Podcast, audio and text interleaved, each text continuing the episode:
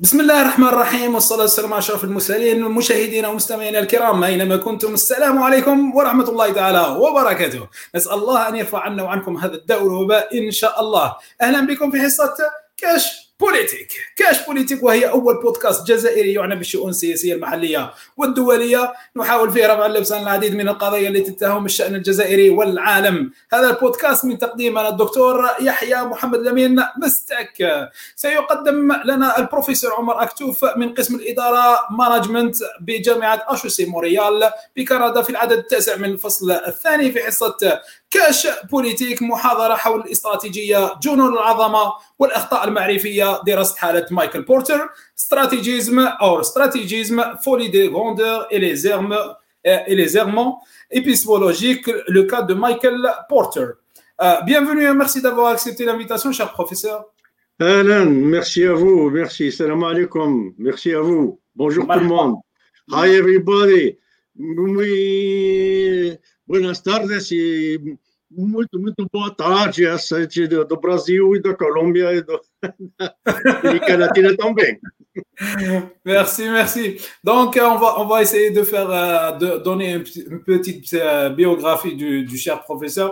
آه، هي نبذة حول البروفيسور. هو دكتور في العلوم الإدارية والاقتصادية بجامعة أشوسي موريا كما قلنا على غير الدكتوراه. له ماجستير في علم النفس وإدارة الأعمال وهو عضو مؤسس لمركز الإنسانية. مؤلف للعديد من الكتب منها الإدارة بين التقليد والتجديد. أوقف الفوضى ضع ضع حدا للإدارة الاقتصادية على الطريقة الأمريكية استراتيجية النعامة ما بعد العولمة والإدارة والعقلانية الاقتصادية. يعني هذه مجموعة من الكتب وهو له اخترت يعني ثلاث فقط وله العديد منها. مشاهدينا الكرام لإثراء النقاش تواصلوا معنا عبر طرح أسئلتكم من خلال التعليقات سواء في الفيسبوك لمين مستاك أو على قناتي في اليوتيوب أيضا لمين مستاك حطوا لنا لي كومونتير وحتكون كاينة يعني روبريك سبيسيال اون فا ايسيي دو ريبوندر لي كومونتير ديالكم ولي كيسيون ديالكم. مشاهدينا الكرام سنكون ستكون محاضرة باللغة الفرنسية وسنحاول ترجمة أهم افكاره كالعادة. آه، لكن قبل ما ما يذهب الأستاذ آه، إلى إلى يعني آه، إلى طرح آه، إلى آه، المحاضرة أو بداية المحاضرة هناك يعني مجموعة من الأسئلة التي وردتنا ليس الأسبوع القادم لكن في الحصة السابقة مع الاستاذ عمر أكتوف. سيحاول يعني الرد عليها الآن ثم نذهب إلى ال- نذهب الى يعني المحاضره. Euh, professeur euh, Omar Aktouf, est-ce qu'on commence avec euh, les questions, répondre, euh, les répondre, euh, vous pouvez répondre aux Euh, questions Oui, oui, Euh, oui, on va, on va commencer par ça. J'ai juste oublié une salutation, c'est Azul Flawen Ah, Ok, il n'y a pas de problème. aussi. Ok, Oh. allez-y. Alors, euh, donc, euh, oui, et puis là, je voudrais préciser que pour la traduction, ce ne sera pas comme l'autre fois, au fur et à mesure de, de, de, de la conférence, puisqu'il y en a beaucoup de gens qui ont dit que ça c'était assuré, donc euh, ils n'arrivaient pas à suivre le fil.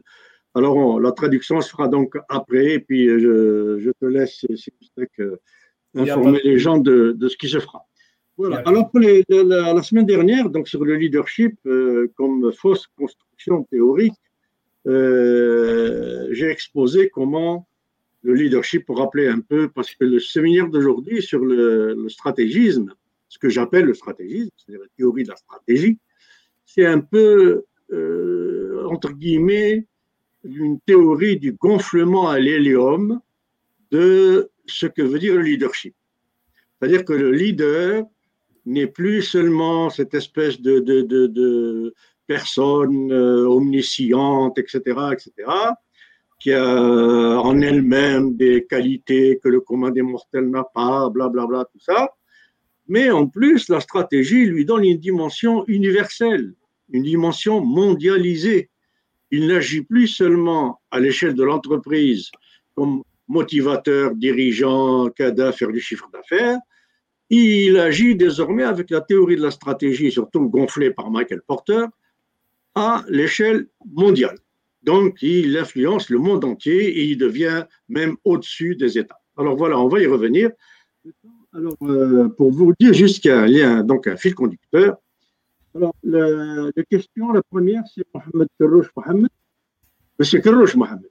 Il existe quatre théories de leadership le grand homme, les traits, la situation, conditions environnantes, la réactivité qui est un mélange de trois éléments de théorie. Où pouvons-nous classer le modèle de leadership des régimes arabes au pouvoir Alors là, euh, j'ai deux grands commentaires, enfin, mais rapidement. Un, je ne suis pas du tout d'accord avec le fait qu'il existe des théories du leadership. Il n'y en a pas. Ce n'est que du délire, c'est de la construction, de la fiction.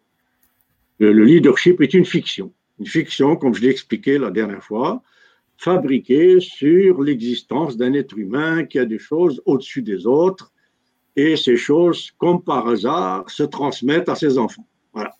Les Rockefeller sont leaders depuis cinq générations, les Vanderbilt depuis quatre générations, les Kennedy depuis cinq générations, etc. Et puis ça se transmet. Puis bon, voilà. Donc, on a compris. Le, j'espère que ma position là-dessus.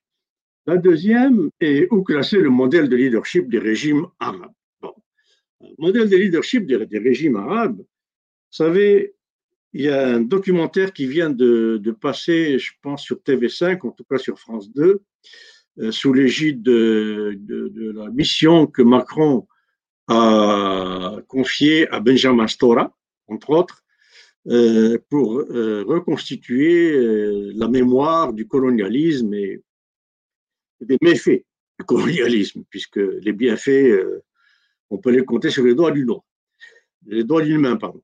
Bon, donc euh, ce documentaire s'intitule, bien entendu, euh, La décolonisation, le sang et les larmes, ou quelque chose comme ça. Je pense que c'est le sang et les larmes, dans le sang et les larmes, ou dans le sang et les souffrances, enfin. Bon, ça veut bien dire ce que ça veut dire. Alors, donc, dans ce documentaire, on nous montre très bien comment il n'y a pas un régime du tiers-monde, particulièrement du monde arabe et de l'Afrique, qui n'a pas été à l'origine installé par l'Occident. Alors, ne me parlez pas de leadership arabe ou de leadership africain ou de leadership euh, propre, euh, spécifique, etc. etc.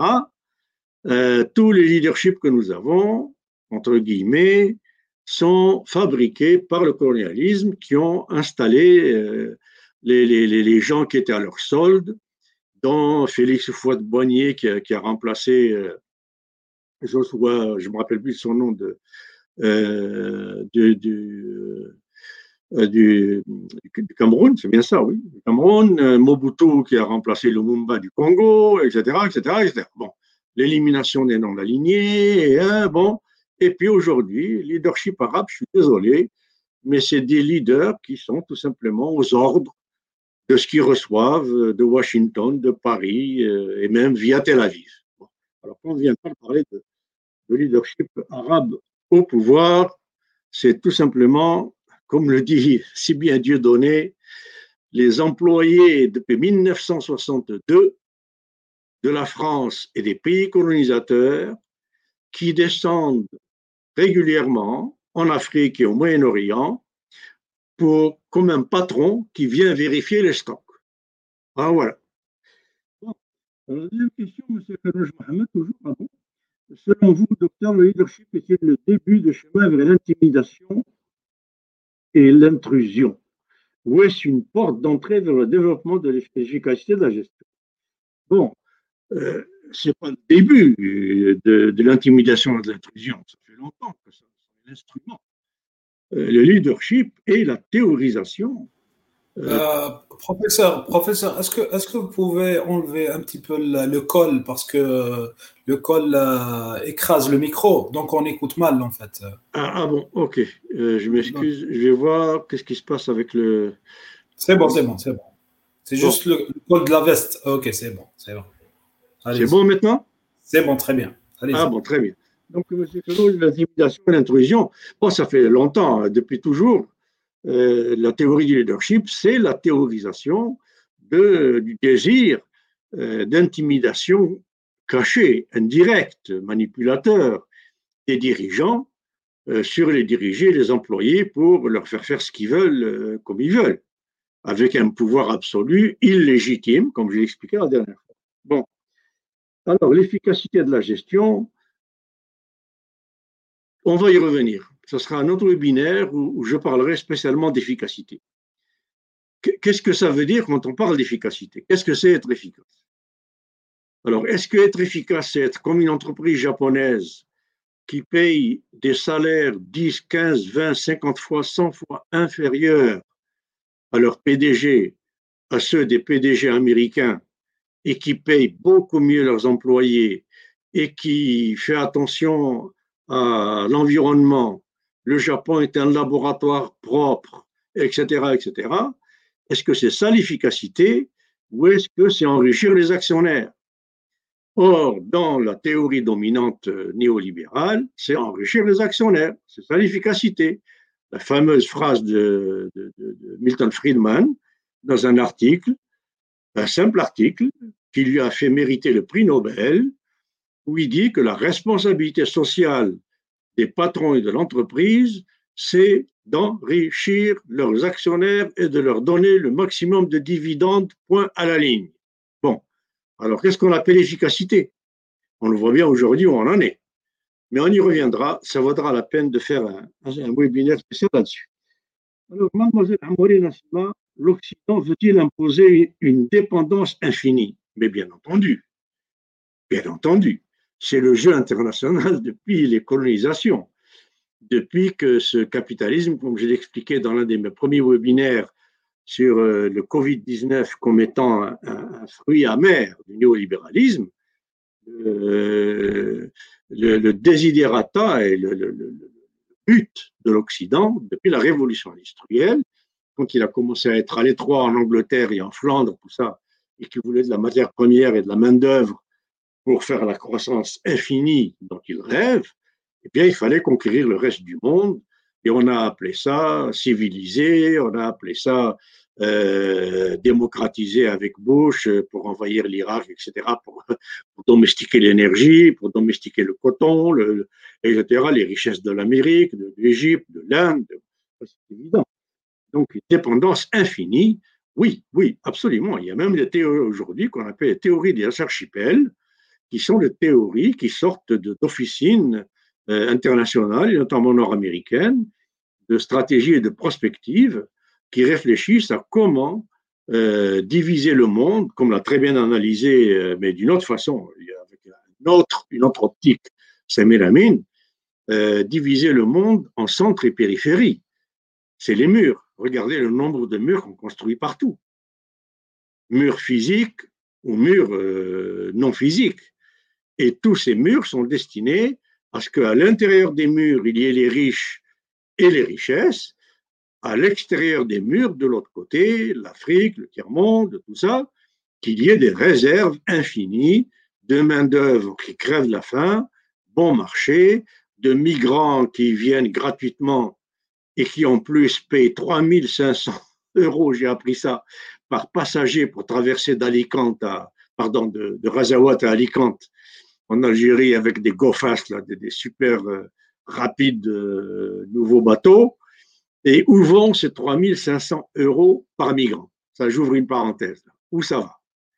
Ça finit forcément dans les banques à Paris, à Londres, en dollars, à Washington, à New York, en Espagne. Ça, ne finit pas dans nos banques à nous.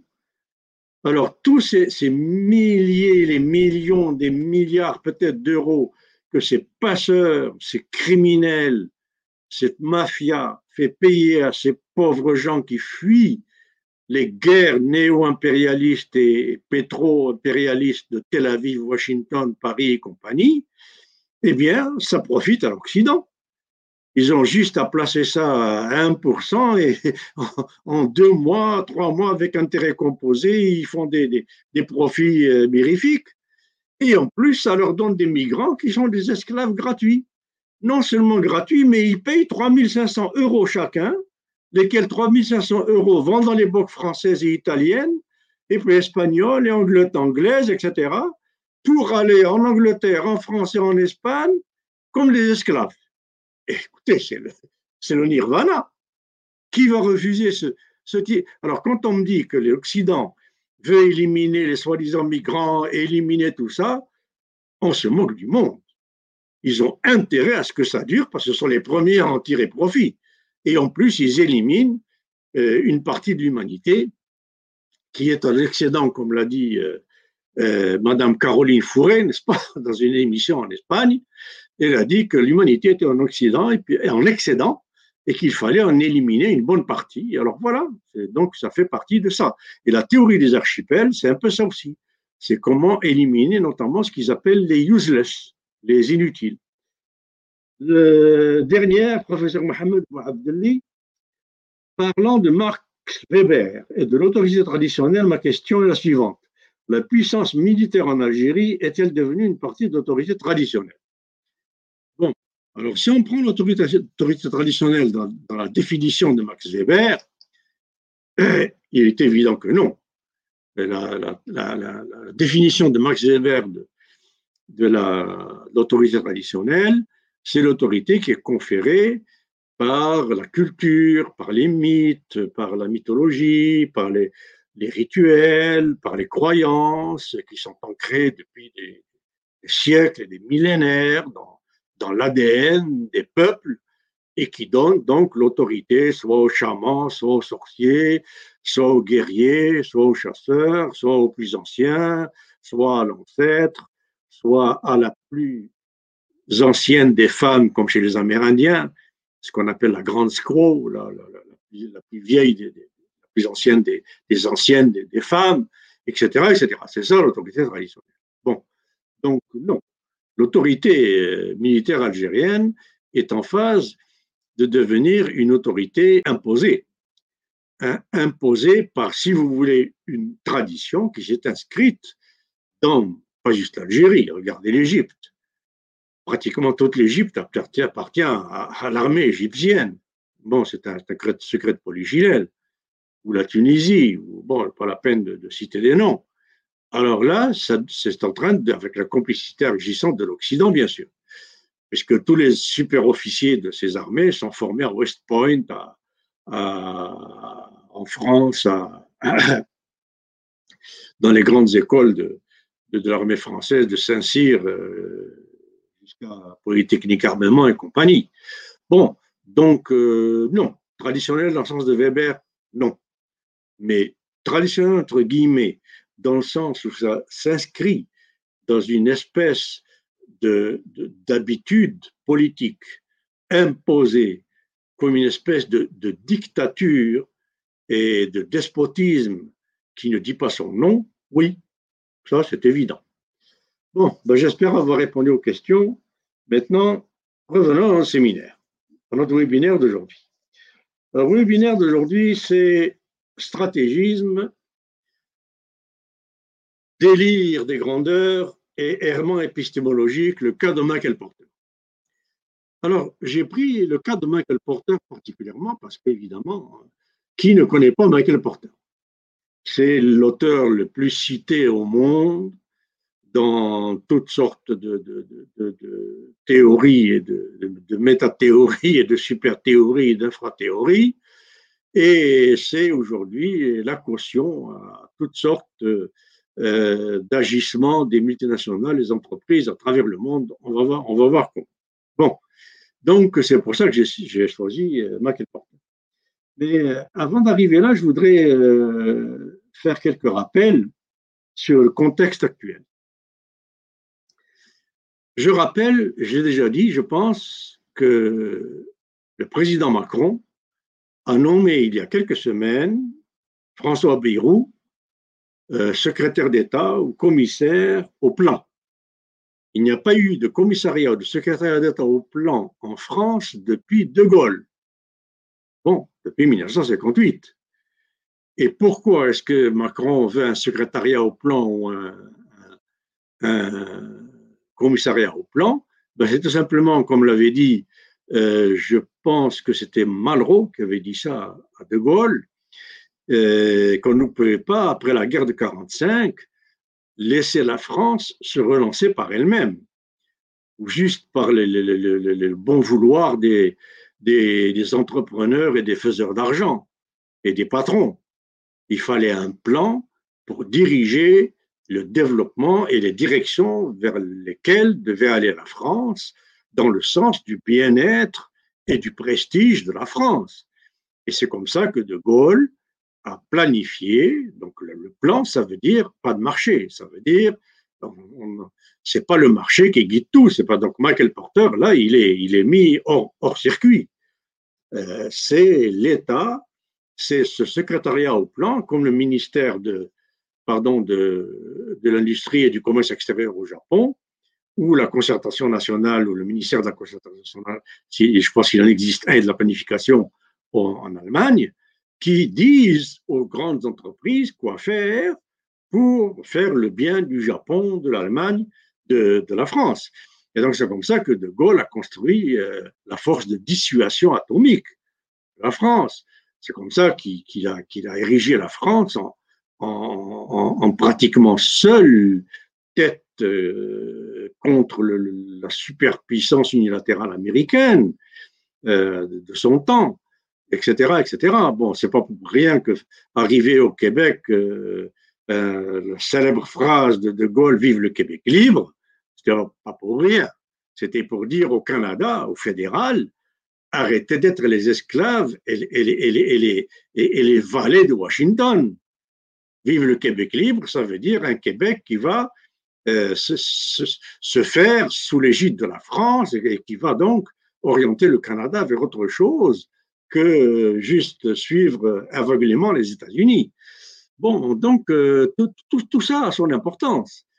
Alors voilà, donc euh, le plan. Et nous, en Algérie, qu'est-ce qu'on attend? Qu'est-ce qu'on attend pour suivre l'exemple de Macron et de décréter un secrétariat national au plan qui va sortir l'Algérie de ce bourbier incroyable dans lequel le pays se trouve? Dans lequel le pays se trouve? Bon. Alors l'autre, c'est euh, Merkel, Allemagne.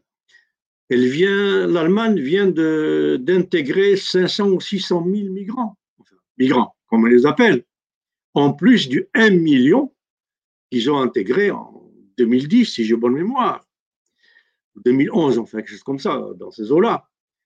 Alors, comment fait l'Allemagne pour intégrer un million et demi de migrants et continuer à embaucher pendant que la France, l'Angleterre, etc., etc., licencient Ils ne peuvent pas intégrer 1000 migrants. Comment il faut? Alors, il faut se poser des questions. Donc, euh, aussi, euh, comment se fait-il que l'Allemagne possède un excédent commercial cinq fois l'équivalent du déficit commercial de la France, avec la même monnaie, l'euro, le même marché européen, le même marché mondial. Comment ils font? Alors là, on va revenir à Michael Porter et on va voir que, contrairement à ce que nous enseignent Michael Porter et ses disciples, les secteurs compétitifs d'une nation ce ne sont pas les secteurs les plus pauvres. Ce ne sont pas les secteurs où les salaires sont les plus bas. Pas du tout. Au contraire, ce sont les secteurs où les salaires sont les plus élevés, où la valeur ajoutée est la plus élevée. Parce que ça veut dire que c'est le, secteur où le pays en question a un avantage temporaire. Hein. Il ne faut pas oublier la loi, le cycle des produits de, Vernon. Euh, quand il atteint le plateau, cet avantage est un peu partagé par tout le monde. Mais donc, il y a un avantage temporaire sur tous les autres grâce à une main-d'œuvre hyper formée et que les autres n'ont pas. Alors, comment expliquer que l'Allemagne, avec parmi les salaires les plus élevés, enfin le revenu, pas le salaire, le revenu en gros de la main-d'œuvre allemande, si on calcule tout, le logement, les primes, etc., le filet social, etc., incroyable tout ce que tout ce qu'un employé allemand peut avoir comme avantage en plus du salaire, eh bien, c'est l'un des revenus les plus élevés salariaux d'employés les plus élevés du monde avec le Japon. Et ce sont les pays qui ont les produits qui se vendent le plus au monde. L'Allemagne est le seul pays au monde à vendre au Japon plus qu'elle n'achète au Japon, en termes monétaires, pas en termes physiques. Donc ça veut dire que, le Japon achète à l'Allemagne de la qualité que lui-même n'a pas. Je ne sais pas ce que c'est, c'est peut-être Siemens, c'est peut-être Krupp, c'est peut-être, je ne sais pas, euh, IG Metal, enfin je ne peux pas IG Metal, pardon, IG Faber. Bon, Mercedes, je ne sais pas. Mais voilà, donc, alors, euh, déjà des choses importantes sur lesquelles réfléchir. Le pape François, cette semaine, la semaine dernière, le pape François, après toute une série de Nobel, dont des Nobel d'économie, dont Paul Krugman, dont euh, Joseph Stiglitz, dont des hommes d'affaires prestigieux et milliardaires à travers le monde, etc., etc. Et je pense que parmi eux, euh, il y a, je ne sais plus si c'est Soros ou, ou l'autre, mon Dieu, euh, pas, pas, Madoff, euh, enfin bon, peu importe, c'est celui qui, qui réagit régulièrement, un des grands milliardaires et américain qui dit régulièrement, il a dit notamment, il a écrit que lui-même payait moins de taxes que sa, que sa femme de chambre et qu'il demandait avec 40 autres milliardaires au gouvernement américain de les taxer. Et le gouvernement américain, c'était sous Bush, de, a répondu non, on ne vous taxera pas parce que vous êtes les créateurs d'emplois, etc. Blablabla. Bla, On connaît le discours habituel. Alors voilà, le pape François, suite à ces, comme ces, forums, donc de Nobel, de politiciens, d'anciens politiciens, etc., de personnalités mondiales, de tout ça, d'intellectuels, Noam Chomsky et j'en passe, dit il faut sortir du dogme néolibéral. Le pape François, il vient de le crier à la face du monde cette semaine ou la semaine dernière. Bon, qu'est-ce que c'est le, le dogme néolibéral? C'est Michael Porter. Le dogme néolibéral, c'est tout ce qu'on enseigne dans les business euh, economic schools et dans les business schools. C'est ça le dogme néolibéral. Et là, on a, y a les gens, disons, les, les plus sages, les plus avertis de ce monde, n'arrêtent pas de nous dire il faut en sortir. Bon, alors, donc, euh, je vais maintenant aller au leadership et au stratégisme. À la limite, la théorie du leadership et du stratégisme ça devient des espèces de théories qui construisent finalement beaucoup plus le prestige et les raisons des avantages indécents et les raisons, les justifications illégitimes de l'aura et de l'importance inconsidérée qu'on donne aux faiseurs d'argent, aux leaders, beaucoup plus que l'efficacité de l'entreprise elle-même. Alors, ce n'est plus l'efficacité organisationnelle, le chiffre d'affaires, le cash flow, le cash flow sur, euh, sur actifs, etc., qui compte, c'est beaucoup plus l'aura et le prestige que se donne le dirigeant. Alors, avec le stratégisme, le leader et le leadership est sorti de l'entreprise ce n'est plus dans l'entreprise seulement qu'il s'exerce, il s'exerce très peu dans l'entreprise. D'ailleurs, je vous demande, s'il vous plaît, combien parmi vous, dans tous les pays, parmi les gens qui m'écoutent, et dans toutes les langues de ceux qui m'écoutent et qui comprennent quand même le français, euh, et, qui travaillent, qui, sont employés euh, peu importe où, combien de fois vous entendez par jour que Monsieur le Président Monsieur le PDG, je dis monsieur parce que madame c'est rare, ou monsieur le vice-président, il n'est jamais là. Il n'est jamais là. Il est en mission, il est à la présidence, il est au gouvernement, il est au ministère, il est à l'étranger, il est. Alors, qu'est-ce qu'il connaît de son entreprise? Qu'est-ce qu'il fait dans son entreprise? Alors voilà un peu ce que ça a apporté aussi le stratégisme. C'est renforcer cette espèce de, de rôle extérieur encore plus prestigieux, encore plus démurgique, puisqu'il prétend faire de ses leaders des organisateurs transfrontaliers du monde, puisque leur stratégie dépasse la frontière nationale avec la mondialisation et la globalisation. Donc voilà un peu où on en est c'est une, espèce de catastrophe euh, théorique et, pratique où les patrons maintenant se soucient beaucoup moins de prestige personnel que donne cette espèce de d'aura vous êtes des stratèges, des gens qui pensent au-delà des pays et des frontières, etc., plus que les chefs d'État, que de simples dirigeants d'entreprise qui font de l'argent. Bon, alors l'autre chose, c'est, je l'avais dit la semaine la dernière fois aussi, euh, on n'arrête pas de dire que les leaders, tout ça, c'est des créateurs d'emplois, c'est des créateurs de richesses, c'est des... Bon, d'accord. Mais on oublie de dire que c'est cyclique. Ils créent des emplois et des richesses quand ça les arrange, quand ils font de l'argent. Quand on fait plus de l'argent, ils licencient. Alors moi, je voudrais bien voir un livre un jour de management écrit par un professeur de stratégie sur le leader licencieur, le leader destructeur d'emplois. Il y en a beaucoup plus maintenant que de créateurs d'emplois. Il suffit de regarder à travers le monde.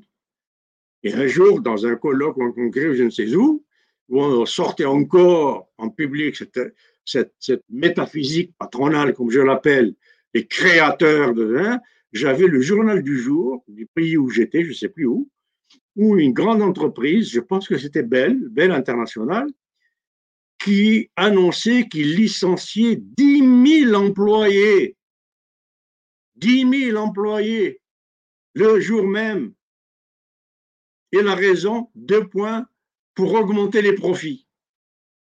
Bon, alors moi j'ai brandi ce journal en disant à ces gens-là, écoutez, écrivez s'il vous plaît des articles, des livres, faisant des congrès, sur ces gens qui licencient en une journée 10 000 personnes pour euh, faire plus de profit. Arrêtons d'en parler juste comme des créateurs. Quand ils créent, on les applaudit, on en parle, on en fait des livres, on en fait des articles, on les remercie, on les passe à la télévision, on leur donne des médailles. Et quand ils licencient, c'est le silence complet, total. Personne n'en parle. Bon, et en plus, j'avais dit aussi que quand tout va bien, c'est toujours leur mérite. C'est toujours grâce à eux. Et quand ça va mal, ce n'est jamais leur faute. Alors ça, ça s'appelle l'infaillibilité. Ce sera l'objet d'un de webinaire, Inch'Allah. Comment ces théories du leadership, du stratégisme, etc., et des théories du management en général, font du leader, du patron, etc., une espèce de supra-humain. Et donc, euh, ce, ce supra-humain devient infaillible. Quand ça va bien, c'est grâce à lui. Quand ça va mal, c'est pas sa faute. Il est infaillible. Or, n'est infaillible que Dieu. Et cette question d'infaillibilité, et je parlerai de ça parce que j'ai écrit aussi des choses là-dessus, je ne suis pas le seul, sur la façon dont les théories managériales déifient les dirigeants. Ils en font des dieux, des immortels, au-dessus de la condition humaine. Il suffit de lire les mots de Minsberg dans Nature of Managerial Work, le, traduit en français par le management au manager au quotidien, pour s'en convaincre. Minsberg écrit toutes les deux pages euh, personne extraordinaire, personne hors du commun, personne au-dessus de la condition humaine, personne incroyablement intelligente, personne, etc. C'est inouï. Alors voilà donc comment. Alors là, ça a occupé l'Église catholique, l'Église catholique particulièrement, parce que c'est les orthodoxes et les autres églises, c'est une autre chose. Mais, euh, par exemple, les décisions dans l'Église orthodoxe se prennent collégialement. Donc, des parenthèses, peut-être peu de gens le savent. L'Église orthodoxe, c'est la Russie, c'est la Grèce, etc. C'est les pays de l'Est, c'est bon. Euh, la Roumanie, tout ça. Eh bien, les décisions sont collégiales, etc. Le pape, le, pape de l'Église orthodoxe n'est pas infaillible, alors que le pape de l'Église euh, apostolique, catholique, a été déclaré infaillible en 1870, Vatican I, et donc cette infaillibilité est quasiment une, infaillibilité divine. Et qu'est-ce qu'elle dit? Elle dit que le pape ne peut pas se tromper, ni dans ses actions ordinaires, ni dans ses décisions ordinaires ou extraordinaires. Donc, il est divin. Et on ajoute, le pape, je ne sais pas, c'est un pape qui a dit ça, je ne me rappelle plus lequel, a dit, euh, les papes doivent s'inspirer de ce qu'ont fait tous les papes précédents, parce que tout ce qu'ils ont dit ou fait est indépassable et non discutable. Voilà. Alors, qu'est-ce que font les théoriciens du leadership et du stratégisme et compagnie? Ils nous répètent, ils nous répètent ce que disent les théoriciens du leadership depuis 1940, c'est-à-dire Elton Mayo, Herzberg, euh, Maslow, euh, Skinner, euh, Lippitt, White, Sheriff, Linton, etc., etc., etc. Qu'est-ce qu'on a ajouté de plus à ces théories du leadership depuis les années 40, 50, 60 ou aux théories de motivation Rien. Que des mots par-ci, par-là qui ne veulent rien dire et qui font croire qu'on ajoute des choses, qu'on progresse. Par exemple, motivation stratégique. Alors, tout est stratégique maintenant. Leadership stratégique, marketing stratégique, ressources humaines stratégiques. Voilà, et puis on croit qu'on avance, alors qu'on ne fait que répéter. Et s'il vous plaît, prenez n'importe quel livre de gestion et vous verrez que pour l'essentiel, 90% de ce qu'on y dit, même maintenant, publié aujourd'hui en 2020, 90% de ce qu'on y dit, c'est ce qu'on disait en 40, 50, 60, 70. Bon, alors c'est la même chose que le pape. Ce qu'ont dit ces gens-là est infaillible. Et il faut le croire et le répéter et le considérer comme non discutable, non euh, impossible à remettre en question, indépassable, et le répéter, le répéter, le répéter en y ajoutant quelques petites choses par-ci par-là. Bon, alors voilà pour euh, le, donc le leadership et stratégisme dans le, discours d'aujourd'hui. Euh, ce, leadership ce stratégisme non seulement répète et, donc établit cette espèce d'infaillibilité quasiment divine du, euh, leader ou du, du, stratège, mais on en fait en plus une espèce, avec le stratégisme, on en fait un, un leader démiurge. Il devient démiurgique, c'est-à-dire organisateur de l'espace humain en dehors de, n'importe quelle frontière. C'est quasiment un deus ex machina. Alors, ce démiurgisme, c'est par exemple ce que fait General Motors quand elle fait sa stratégie, quand on sait que General Motors ou General Electric, je ne sais quoi, avec leur simple chiffre d'affaires, pèsent peut-être plus que le PNB de la moitié de l'Afrique, on imagine bien ce qu'ils peuvent faire avec leur stratégie à travers le monde et comment ça peut gruger le leadership de nos leaders arabes et du tiers-monde, comme le disait le, monsieur qui me posait la, question tout à l'heure. Bon, alors voilà un peu euh, pour ce, ce, préambule, mais que je considère comme, euh, absolument essentiel. Donc cette infaillibilité divine du pape a été établie en 1870 et euh, euh, donc euh, ce qui aussi fait du modèle US, donc comme je l'ai dit déjà, un modèle facile, gratifiant, séducteur, etc. Et donc ce qui établit une foi inébranlable, comme disait ce pape, il faut avoir une foi inébranlable en ce qu'ont dit les papes précédents. Bon, alors, euh, stratégisme, maintenant, quelques définitions. Alors, stratégie, stratégos, ça vient du grec, ça veut dire euh, celui ou ceux qui savent agencer les moyens et les ressources pour aboutir à des euh, résultats. Bon, c'est ça les stratégos.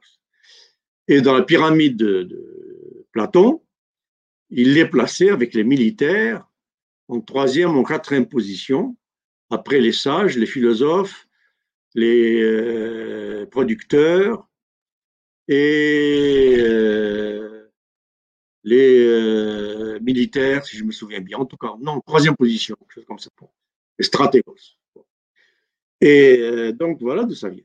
Alors, les, les pionniers, les Hanshoff, les Chandler, les, Barnard, les Marie Parker Follett, etc., etc., si on prend juste Barnard et Marie Parker Follett, ce qu'on oublie, c'est que ces deux auteurs piliers des années 40, hein, 50, Mary Parker Follett et Chris Barnard, accordaient une importance primordiale au groupe, un peu comme Henri Fayol. Il considérait que sans le groupe, sans le collectif de l'entreprise, le, leader, sa stratégie, etc., ne, vaut rien. Ce que plus tard Minsberg appellera la stratégie émergente, par opposition à la stratégie délibérée, qui est la stratégie portérienne. Bon, donc, euh, alors, cette définition de, la, stratégie, euh, le, groupe, Marie Parker, etc. Il faut savoir aussi qu'au début, la question que se posaient les Chandler, les Hansoff, les compagnies, les, classiques, ben, c'était essentiellement, par exemple, des questions du genre est-ce que c'est euh, le mode de structuration de l'entreprise fonctionnel, pas fonctionnel, par projet, par programme, multi, machin, multidivisionnel, euh, euh, intégré verticalement, intégré horizontalement, blablabla. Est-ce que c'est ça qui détermine sa stratégie, c'est-à-dire sa façon d'agir dans le marché, ou est-ce que c'est l'inverse? Est-ce que c'est d'abord une stratégie qui détermine la structure et quelle est l'influence réciproque entre la façon dont l'entreprise se structure et dont la stratégie se fait, etc., etc., etc. Bon. Et ça a été jusqu'à Woodward, qui a notamment intégré, la, comme on le sait, euh, la question, avec le Tavistock Institute et tout ça, la question de la technologie euh, induite dans le, dans le process d'organisation et de structuration de l'entreprise. Bon. Donc euh, voilà. Alors, revenons maintenant à des définitions plus pointues la stratégie est devenue quelque chose de prépondérant et a pris la, place que l'on connaît aujourd'hui dans le domaine managérial. Quand j'ai fait mon PhD, mon MBA, on en parlait très peu. Juste Chandler, Hansoff, tout ça, et puis on définissait la stratégie comme étant le résultat de la somme des décisions prises par la direction d'une entreprise jusqu'à un temps T donné. Donc la somme des décisions prises et leurs conséquences un temps donné, c'est ça qu'on appelle la stratégie. Ou autrement, c'était stratégie, structure, structure, stratégie, blabla, technologie, la même chose. Mais on parlait beaucoup plus de management policy, c'est-à-dire de politique d'entreprise, de management politique, de, politique managériale, etc. On ne parlait pas de stratégie. le cours qui, avait euh, plus ou moins euh, le rôle de ça, c'était le cours de politique manufacturière ou euh, politique managériale ou politique d'entreprise, enfin peu importe. Management policy, pas stratégie.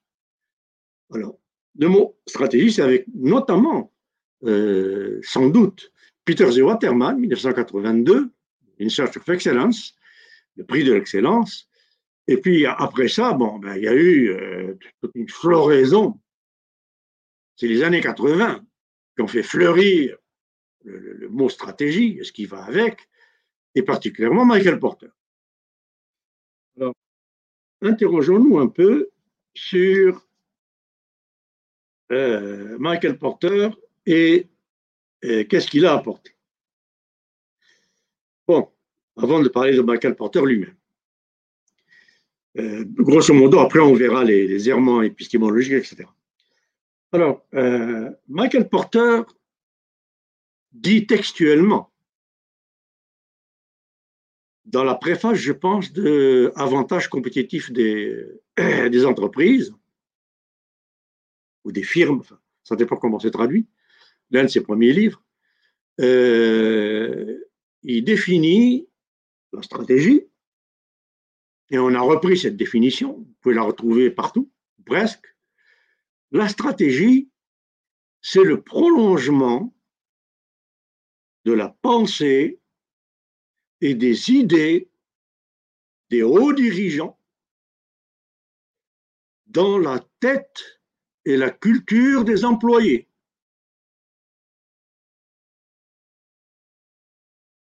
Ça, ça s'appelle du fascisme.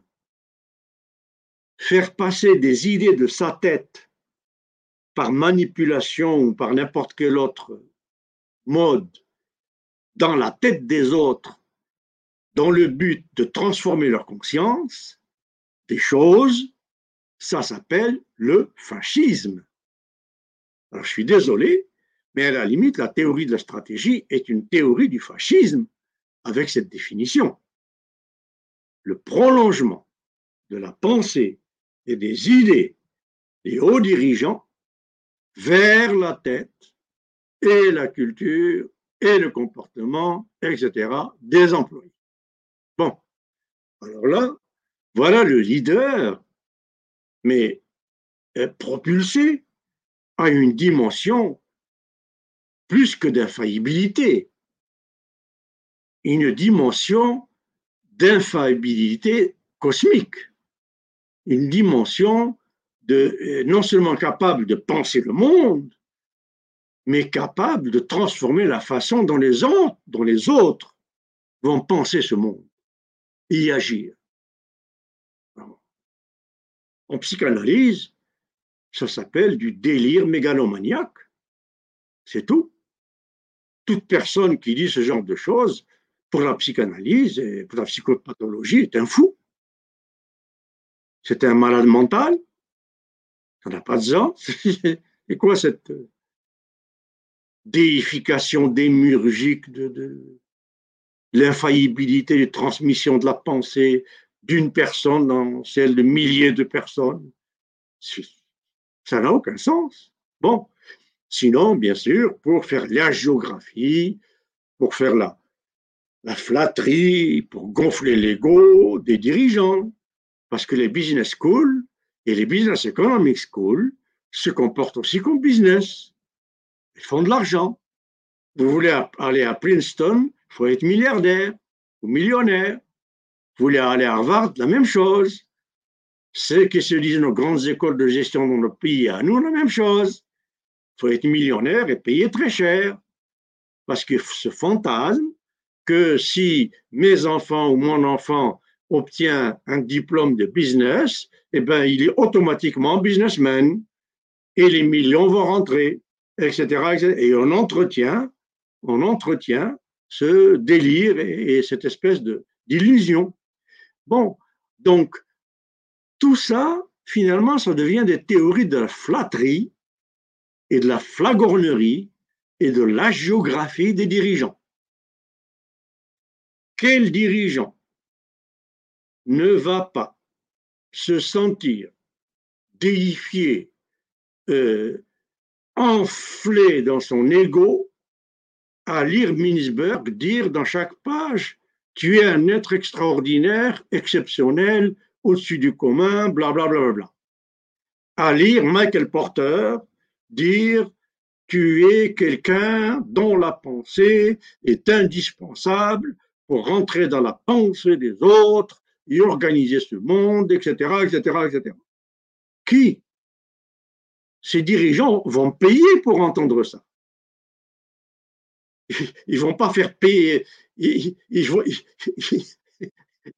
vont, payer Michael Porter juste pour se faire dire ça. Bon, alors, ou Minsberg, ou peu importe. Enfin bon, Minsberg a plus ou moins changé d'avis depuis, mais, c'est, c'est quand même mou. Hein. Alors, donc voilà, stratégie et, et d'où savez qu'elle s'est devenue. Euh, management stratégique, c'est des, donc des supra ou des méta leaders. C'est une espèce de corps d'armée, d'élite à l'échelle mondiale qui va à la conquête du monde avec la mondialisation.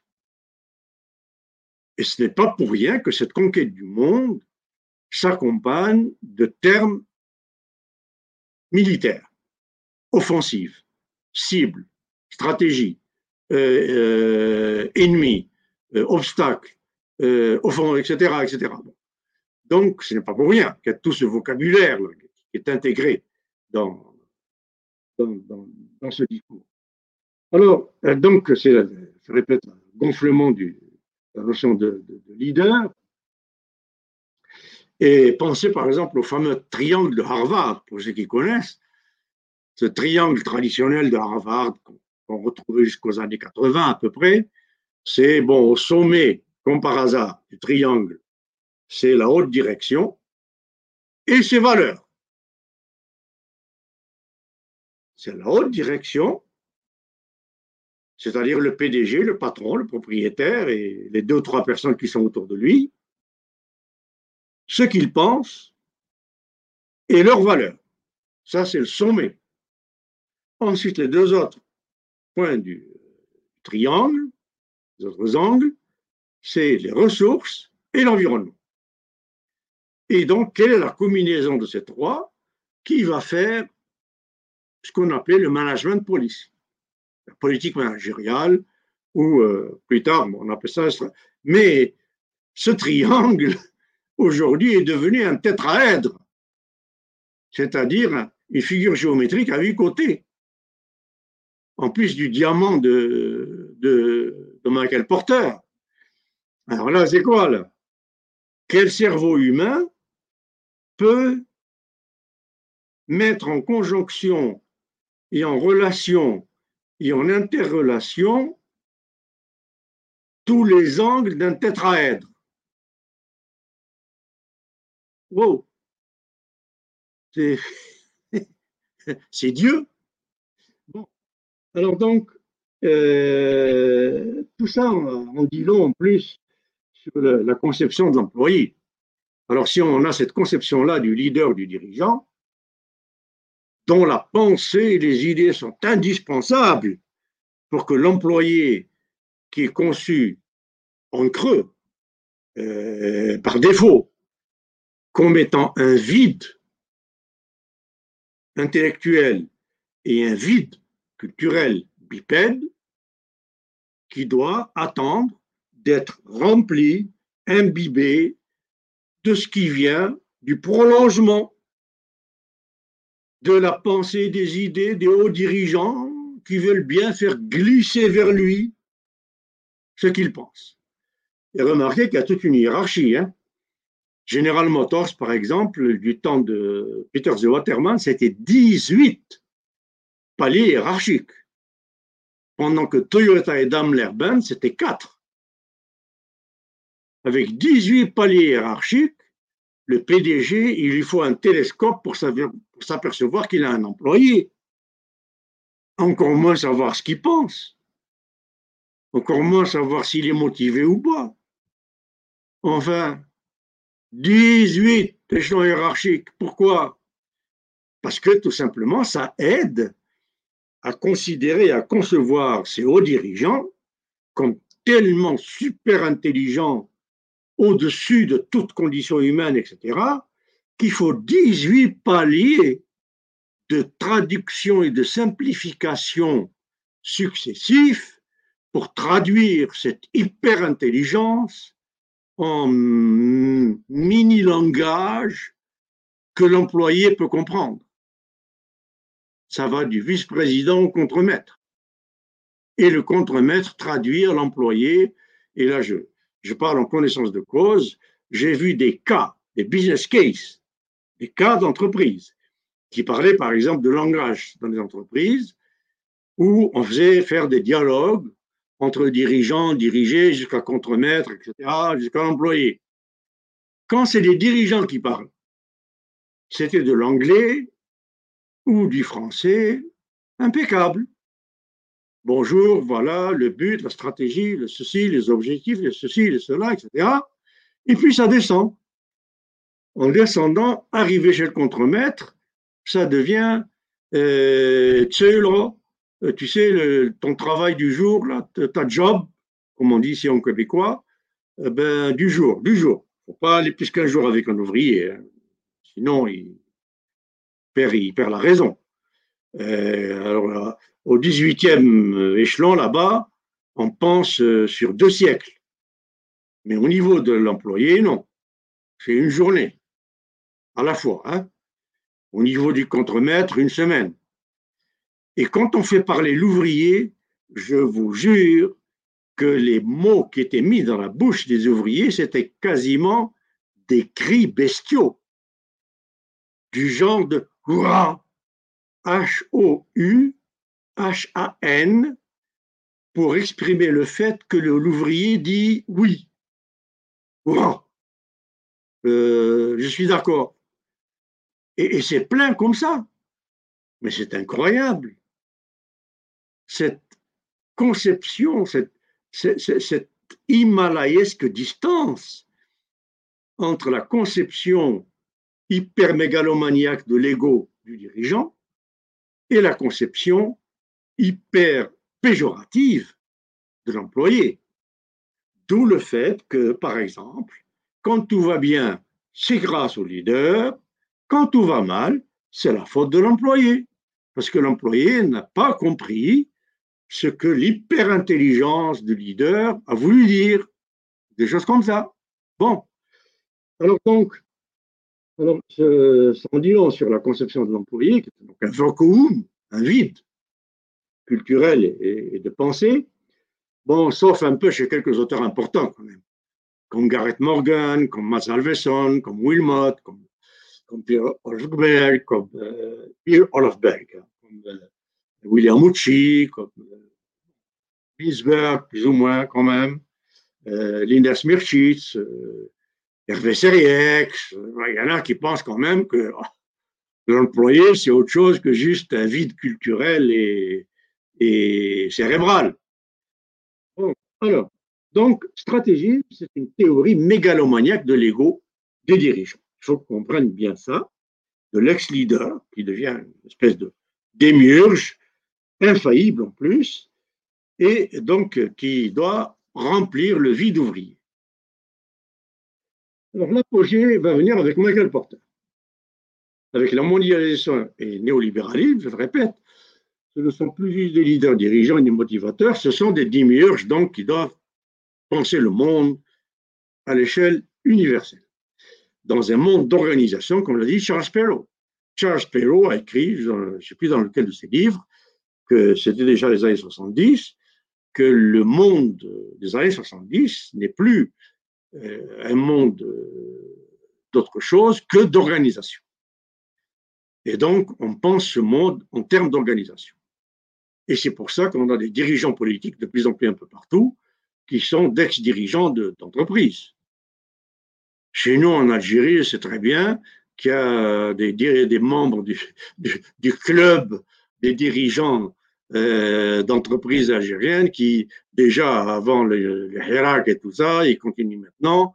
Euh, on les voit dans un peu, un peu, tous les forums et on voit très bien, on les voit très bien venir avec le gros sabot. Faites de nous des dirigeants politiques. On sait gérer de l'entreprise, on sait faire de l'argent, donc, c'est nous qui savons comment gérer un État. Parce qu'un État, avec le stratégisme Michael Porter, c'est devenu une business. C'est comme un business ou une business, comme on dit au Québec. C'est féminin. Donc, un business. L'État, c'est un business. Voilà. Alors, un saut épistémologique incroyable. Bon, n'importe quel étudiant de première année qui m'écrit ça, je lui mets zéro. Qu'est-ce qu'il y a à voir entre la façon de gérer un État qui s'occupe d'une nation, d'un territoire, de citoyens, de dignité de citoyens, d'environnement, de futures générations. Qu'est-ce que ça a à voir avec la façon de gérer qui consiste à comment transformer 10 dollars d'aujourd'hui en 20 dollars demain? Où est le rapport? Où? Mais bon, c'est la géographie, aujourd'hui, on le voit bien. Prenez le gouvernement de Washington, c'est des évangélistes. Donc, quand on vous dit que la démocratie américaine est une démocratie laïque, ben, mettez-vous le doigt dans l'œil jusqu'au coude. Hein. S'il y a deux pseudo-démocraties dans le monde qui sont absolument pas laïques, qui sont théocratiques, c'est un, Israël, qui se définit comme État judaïque, et deux, Washington, qui est évangélique jusqu'à l'os. Spencer, le vice-président de Trump. Bon, etc., etc.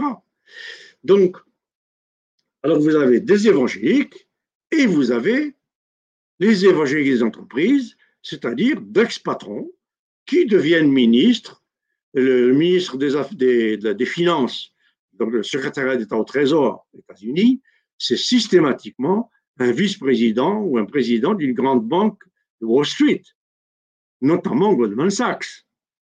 Et inversement, ministère de l'Agriculture, c'est des patrons ou des vice-patrons ou des etc. de Monsanto. Et inversement, euh, dans Monsanto, on a des gens qui viennent du ministère de l'Agriculture et ainsi de suite. Alors donc voilà où ça conduit tout ça, un mélange des genres qui fait que finalement, ce monde n'est plus pensé que par des gens qui ne pensent qu'une chose et une seule, argent. Or, penser ce monde juste en termes d'argent, c'est le détruire. On ne peut pas penser le monde juste en termes de, de comment augmenter infiniment l'accumulation de l'argent. Ça ne se peut pas. C'est complètement destructeur. Et Aristote nous en a prévenu depuis le 4 siècle avant Jésus. Bon. Alors, euh, ce monde devenu donc un monde d'organisation, comme le dit, comme le dit Charles Or, on a euh, ici une indication de ce que j'appelle le stratégisme comme délire des grandeurs, de folie des grandeurs. C'est-à-dire que le leader devient, avec la stratégie et le stratégisme, quelqu'un dont on alimente l'ego et l'action de ce qu'on appelle en psychopathologie l'inflation mégalomaniaque du moi, ou une espèce de, de, de pléthore du fait d'être imbu de soi-même. Alors, on, devient une, espèce de, non plus de leader qui a pour souci euh, très localisé comment placer son entreprise dans le marché avec les concurrents immédiats, avec ceci, euh, comme on connaît le management traditionnel. On est là avec un leader stratège qui, lui, est quelqu'un qui est imbibé, qui est imprégné d'une nouvelle théorie qui est une théorie de comment concrétiser du délire de folie des grandeurs. Je suis l'organisateur du monde en organisant mon entreprise stratégiquement à travers les frontières, euh, transfrontaliers, trans-État, trans-machin. Écoutez, on a bien vu George Bush, père, aller voir le patron de Monsanto. On, voit ça dans un des films de Michael Moore. Je ne me rappelle plus le titre. Je pense c'est How to Invade Next, enfin, l'un des, des troisième, deuxième, troisième, quatrième euh, ou Number One, il me semble, je me rappelle, de Michael Moore, où on voit euh, George Bush premier, président des États-Unis, aller lui-même à Monsanto, dans le bureau du PDG de Monsanto, pour demander des conseils et pour garantir au PDG de Monsanto que leurs désirs seront satisfaits parce qu'il faut que tout obstacle venant du ministère de l'Agriculture ou des écologistes, etc., etc., lui, président des États-Unis, s'engage à l'éliminer parce que tout simplement, ben, il faut savoir que Monsanto était entre autres chargé après la Deuxième Guerre mondiale par le gouvernement américain, Eisenhower, de transformer l'ensemble de l'arsenal d'armes chimiques fabriquées par l'armée américaine en produits civils pour les vendre et en faire de l'argent. Alors, le Roundup, le etc., tous ces pesticides, les niconicotéoïdes qui tuent les abeilles et tout ça, etc., qui viennent directement de chez Monsanto, ce sont des armes chimiques fabriquées par l'armée américaine pendant, pendant la Deuxième Guerre mondiale pour tuer massivement, qui sont transformées en produits pour rendre l'agriculture plus euh, productive. Alors voilà ce que Monsanto et voilà d'où ça vient. Bon, donc quand on voit les chefs d'État aller, se mettre quasiment à genoux sur la, carpette ou, ou, la moquette de PDG de grandes entreprises, ben, ces PDG, que voulez-vous? Ils voient entre eux, quand un PDG de n'importe quelle entreprise dans le monde voit que Bush va en personne, on a vu François Hollande aller le faire avec les patrons des finances à Londres, alors ne parlons pas de Macron, euh, c'est-à-dire qui régulièrement euh, cabinet occulte genre Bilderberg, il n'y a que des grands dirigeants de style Davos, etc., qui, qui se réunissent. Donc, quand n'importe quel dirigeant du monde voit Bush, etc., Macron, Hollande aller ramper sur la moquette de dirigeants de Monsanto ou de, de la City, euh, Bank City of, London ou je ne sais pas quoi, ben, il se dit lui-même aussi, je suis même au-dessus des présidents. Alors voilà comment cette théorie devient une théorie de, folie des grandeurs, même inconsciente. Et c'est dangereux. N'importe quel psychanalyste, n'importe quel psychologue, n'importe quel psychiatre vous dira à quel point le délire mégalomaniaque, d'inflation mégalomaniaque du moi, ou délire de folie des grandeurs est dangereux. Je dis bien creux. Bon, alors voilà donc euh, on en est avec ce. Pourquoi j'appelle ça délire de foyer des grandeurs. Et pourquoi délire? Alors qu'est-ce que le délire? Le, délire est défini en psychologie, en psychanalyse, tout ça, en psychiatrie, comme étant, je simplifie, le fait que l'alignée mentale fabrique un discours qui est son propre discours sur la réalité qu'il vit et qui est en concordance avec la folie ou la démence ou l'aliénation ou la névrose qui lui dicte cette vision du monde. Voilà. Je suis persécuté, je suis entouré d'ennemis, tout le monde sait, la paranoïa, tout ça, etc. Donc, il y a un délire paranoïaque qui est construit avec, et ce délire consiste à rendre cohérent ou cohérente la relation entre l'aliéné mental et la réalité telle qu'il la voit à travers le prisme de sa folie. C'est ça, qu'on appelle le délire. Bon, arranger la réalité de façon à ce qu'elle corresponde à finalement ce que je pense. Alors, qu'est-ce que c'est le stratégisme? Et ça, un certain, deux grands auteurs chiliens, euh, Maturana et Varela, ont appelé ça l'autopoèse, ou l'autopoésis. Euh, je pense que Gareth Morgan reprend ça dans un de ses livres, je ne me souviens plus lequel, où ce sont des biologistes et économistes en même temps, enfin des gens qui auraient dû avoir un Nobel, et qui disent comment finalement on ne sait plus si c'est ceux qui pensent l'environnement qui fabriquent l'environnement ou c'est l'environnement qui fabrique ce que les penseurs de l'environnement pensent. Qui, qui pense l'autre? On ne sait plus.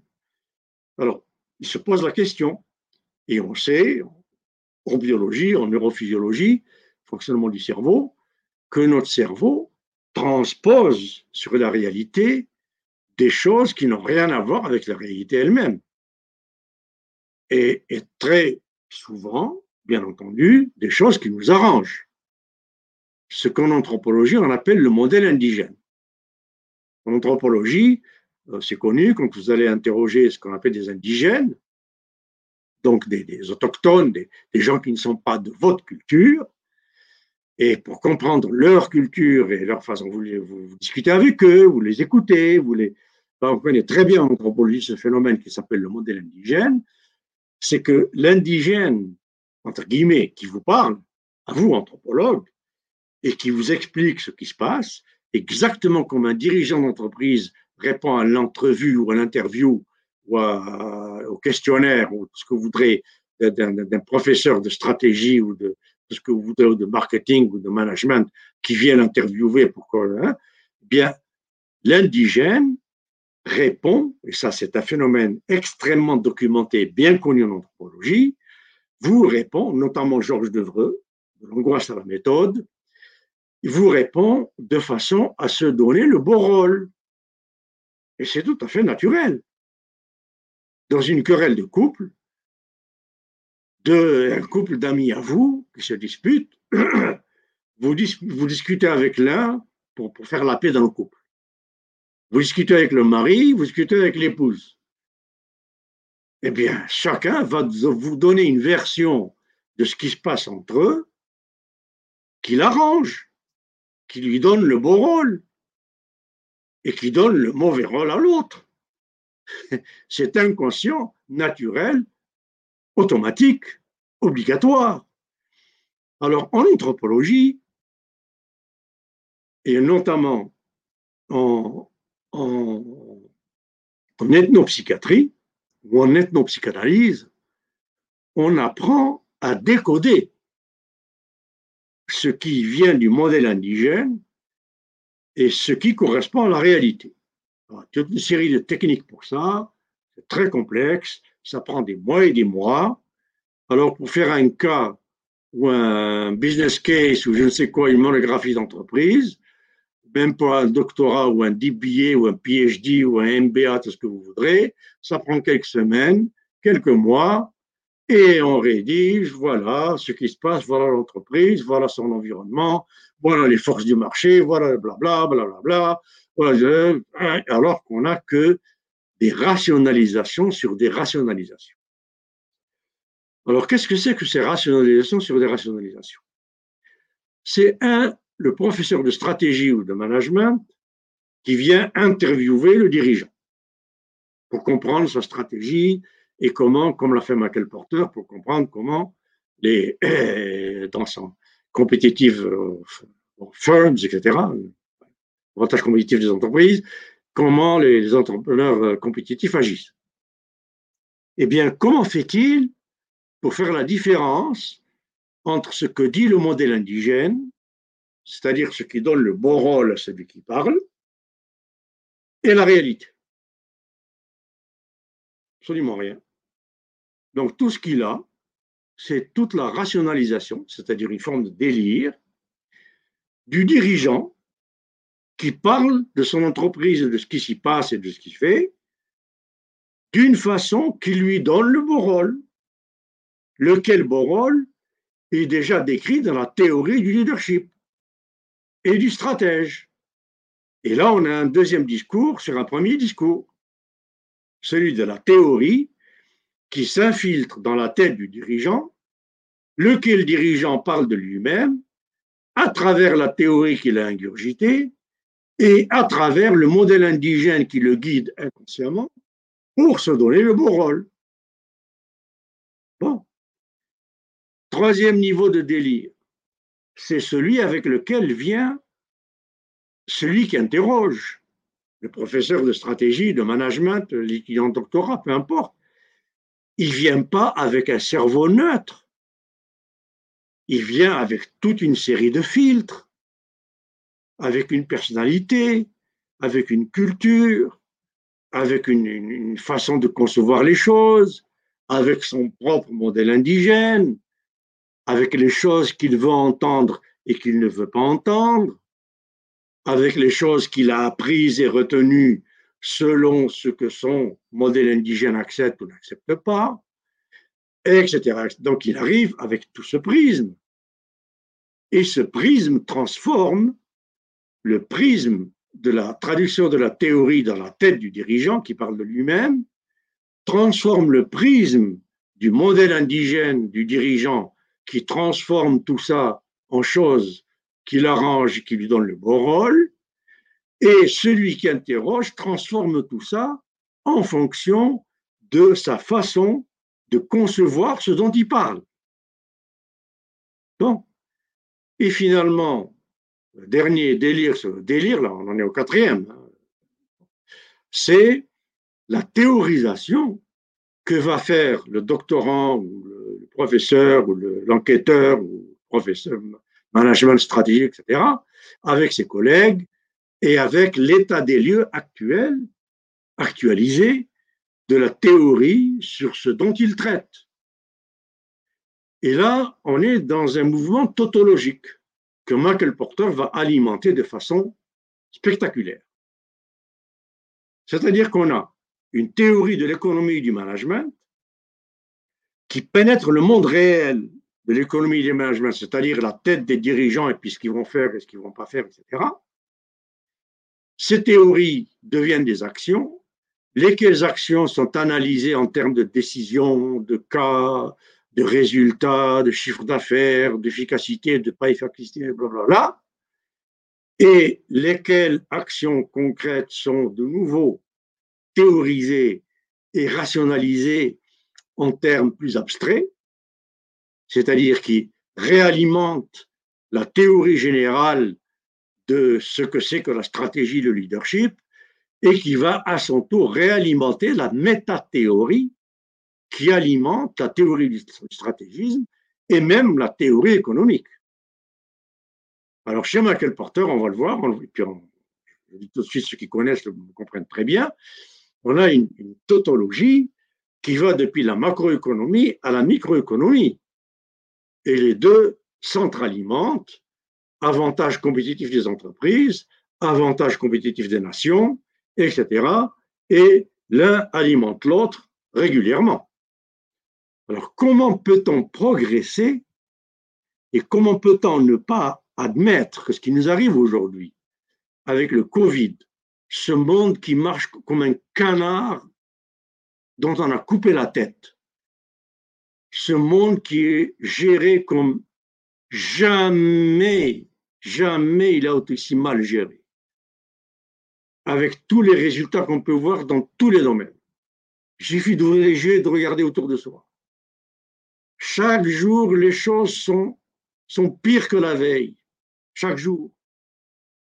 Qu'est-ce qu'il nous faut de plus? Bon.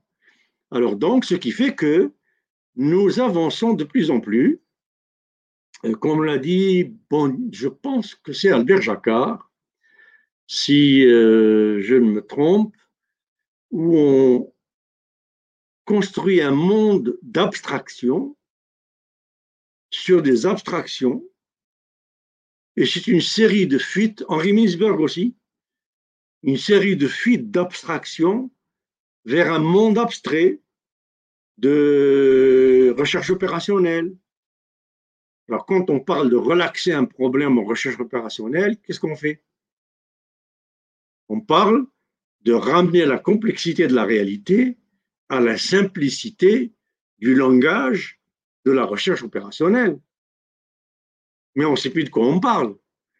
C'est comme ce qu'on dit en, épistémologie d'habitude. Euh, cet exemple, cette anecdote, où une personne, la nuit, est en train de chercher quelque chose sous un lampadaire. Alors elle cherche, elle cherche, passe une autre personne qui lui dit, mais vous avez perdu quelque chose? L'autre dit, oui, j'ai perdu mes clés. Vous avez perdu ici? Alors l'autre dit non, je les ai perdus, je ne sais pas, là-bas. Mais pourquoi vous cherchez ici? Ben, Il dit parce qu'ici, il y a la lumière. Voilà ce que c'est que relaxer un problème en management, en stratégie, on n'est pas en recherche opérationnelle, en tout ce qui s'ensuit, on, on ne fait que ça. Et on va voir une citation de Michael Porter, surprenante, qui dit ce que je suis en train de vous dire. Bon, donc, alors, à force de relaxer, de simplifier, de réduire, on abstrait et on remplace la complexité inouïe des choses concrètes dans les activités d'échange entre les êtres humains et les activités de relation, de travail et de production entre les êtres humains, on réduit cette extrême complexité à des simplicités traduisibles quasiment en équation. Donc, en, langage binaire. Et là, je ne parle pas en l'air. Il y a deux ou trois ans, pour vous donner des exemples, pour montrer que ce n'est pas juste des mots euh, que je tire à travers mon chapeau, je donnais un cours supérieur de troisième cycle de gestion de projet. Donc, pour des doctorants et des masters 2 en gestion de projet. Et c'était quasiment, donc en gestion de projet, gestion de grands projets avancés, c'était essentiellement des ingénieurs. Formation de base, ingénieur, tout le monde. ingénieur, maths, maths, maths, maths, physique, ingénieur. Bon. J'ai rien contre un mathématicien qui s'occupe de mathématiques, un ingénieur qui s'occupe d'une machine, je n'ai rien contre. Mais un mathématicien qui vient me parler d'anthropologie, il ne sait pas de quoi il parle. Or, les échanges entre les êtres humains, c'est de l'anthropologie, c'est pas de la mathématique, c'est pas des statistiques. Et c'est encore moins de la statistique probabiliste, c'est encore de l'abstraction d'abstraction. Bon. Alors donc, euh, cette, généralisation de, plus en plus abstraite de choses concrètes extrêmement complexes, paradoxalement, même si elles sont abstraites, font qu'on simplifie un discours qui autrement aurait été tellement extraordinairement complexe qu'il aurait été indicible. indicible. Alors, je reviens à ce que je disais sur ce étudiant de gestion de projet. Alors, je faisais exprès, puisque c'était 80%, 90% tous des matheux et des ingénieurs, je faisais exprès de leur donner des, examens à développement, à raisonnement, rédaction, écrire, penser, pas calculer. Et donc, des examens du genre, euh, vous avez à diriger un projet international où il y a plusieurs équipes, dont plusieurs cultures différentes, et euh, vous avez à nommer des chefs d'équipe de ces différentes euh, équipes, de cultures différentes, qui s'entendent plus ou moins, etc.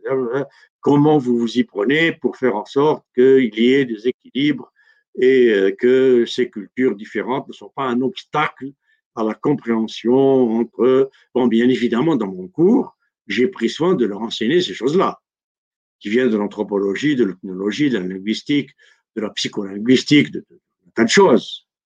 Mais j'essaie de vérifier qu'est-ce qu'ils ont compris. Eh bien, j'ai eu un étudiant, ça c'est le pire, j'en ai bien d'autres, mais c'est le pire. Il m'a écrit une dizaine de pages d'analyse fonctionnelle informatique en réponse à ce genre de problème. Du genre événement, décision, événement, oui, non, décision, événement, oui, non. Un raisonnement, huit pages, dix pages totalement binaire. L'équipe est cohérente, événement, oui, non. Non, décision. Je change le contremaître. Ça marche, oui, non.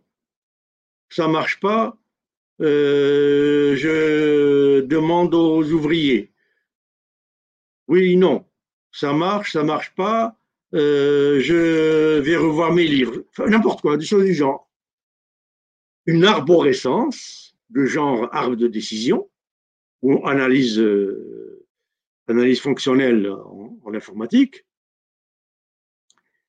à laquelle je comprenais strictement rien. Ben, je lui ai mis zéro. Évidemment, vous mettez zéro à un étudiant de troisième cycle au Canada et aux États-Unis, et vous êtes traduit devant un tribunal. Vous avez des avocats sur le dos. Le comité de, contre-expertise, de contre-correction de l'école, blabla, etc., etc. Et cet étudiant qui vient me voir avec sa copie, comment Je lui dis, mais écoutez, mais c'est quoi cette langue? Je ne comprends pas cette langue. Qu'est-ce que c'est ça? Qu'est-ce que vous voulez dire? Où est votre raisonnement? Où est...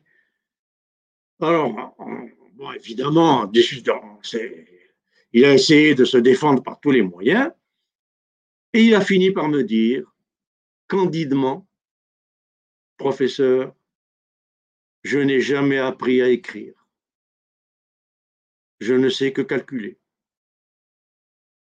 Et il est arrivé en troisième cycle, universitaire. Et ce type ne sait pas écrire. Ce qui voulait dire, c'est qu'il ne savait pas raisonner et rédiger. Tout ce qu'il avait en tête, c'était binaire. Oui, non, oui, non, oui, non. Exactement comme les simulations avec lesquelles on enseigne. Moi, ça me révolte de voir ça.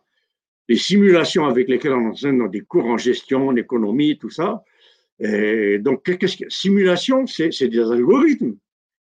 Et comme l'a dit Samir Amin, les algorithmes, ce n'est jamais que des règles de trois compliquées. C'est tout. Des lissages exponentiels, calcul des moyennes et transposition. C'est tout.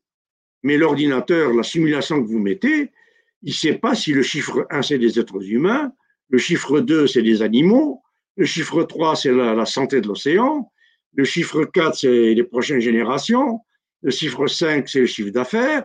Le chiffre 6, c'est le moral des emplois. Il n'en sait rien du tout. Il mélange tout et il vous donne un coefficient. Et à partir de là, vous prenez des décisions. Alors j'ai essayé d'expliquer ça à cet étudiant. Mais évidemment, il est sorti meurtri, parce que ça, a démoli toutes ses illusions jusque-là. Et je suis par la suite qu'il a été prendre des cours de littérature et de philosophie. Donc, euh, ça ne sert pas à rien. Alors voilà, donc abstraction sur abstraction, et on arrive à du délire. Et pour moi, les constructions portériennes et post-portériennes ne sont pas moins délirantes que ces abstractions sur abstraction sur abstraction. Bon. Alors voilà la citation de Porter lui-même pour expliquer ce que je viens de vous dire. C'est une citation sortie d'une interview qu'il a donnée en 2010.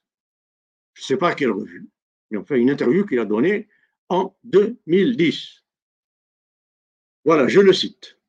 Ce que j'en suis venu à considérer, moi, Michael Porter, comme mon plus grand cadeau est ma capacité à prendre en charge un problème extraordinairement complexe, intégré enchevêtré et multidimensionnel et de le contourner conceptuellement de manière à aider, informer, informer et mettre à l'action les praticiens, à faire réellement des choses concrètes.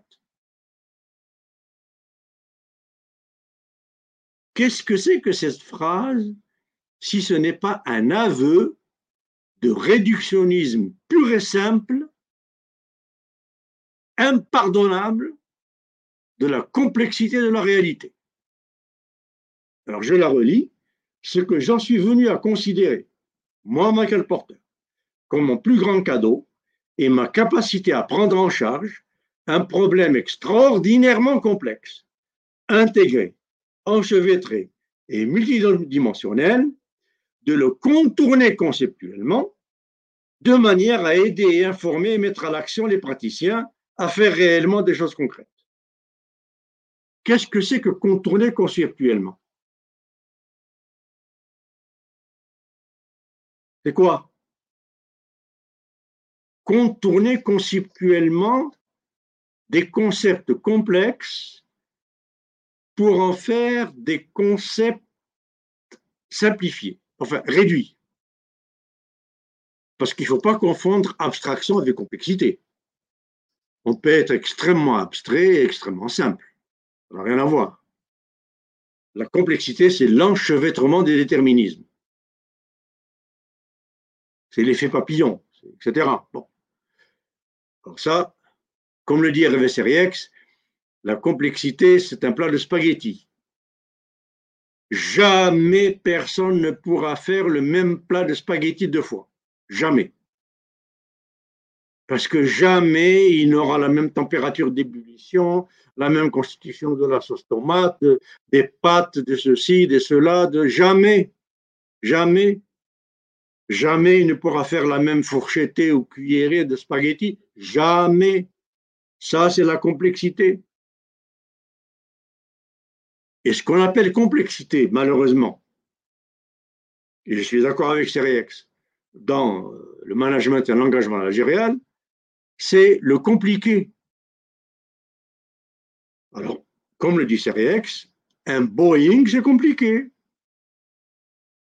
Mais n'importe qui peut se former, démonter complètement un Boeing et le remonter.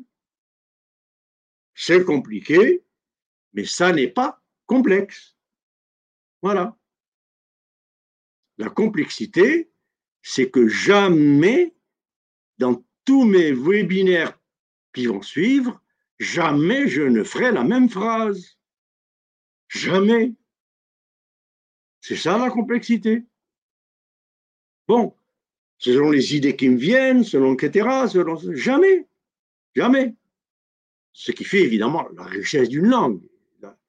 Et quand on appauvrit la langue au langage instrumental et à la pensée opératoire, comme le dit Christophe Dejour, de, du management, ou à la pensée instrument, dans la pensée donc euh, concrète opératoire, eh bien, on réduit la complexité de ce à quoi va accéder le cerveau humain à des simplicités abstraite, ou comment dire, pour faire un néologisme abstractisé, pour faire croire que c'est intellectuel,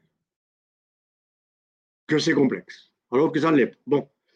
Donc voilà pour cette citation de Michael Porter. J'espère que, que les moins convaincus seront un petit peu moins sceptiques. Alors maintenant, Allons plus avant et voyons qu'est-ce que euh, Porter lui-même. Systématiquement.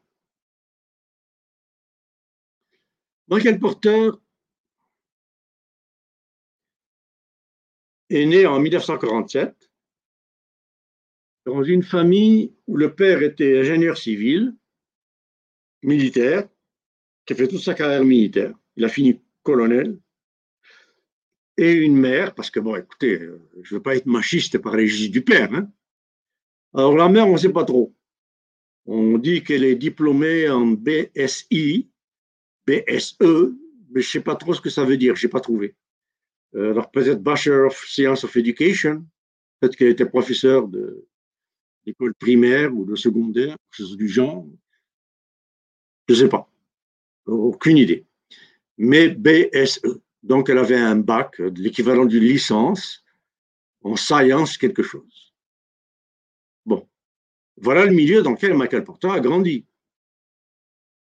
Deux parents, euh, donc euh, à formation euh, plutôt, disons, matériel scientifique, littérature philosophique, de nuances, de langue, de langage, de, de, de rhétorique raffinée, de, bon, et donc aussi dans les milieux de garnison, les casernes américaines.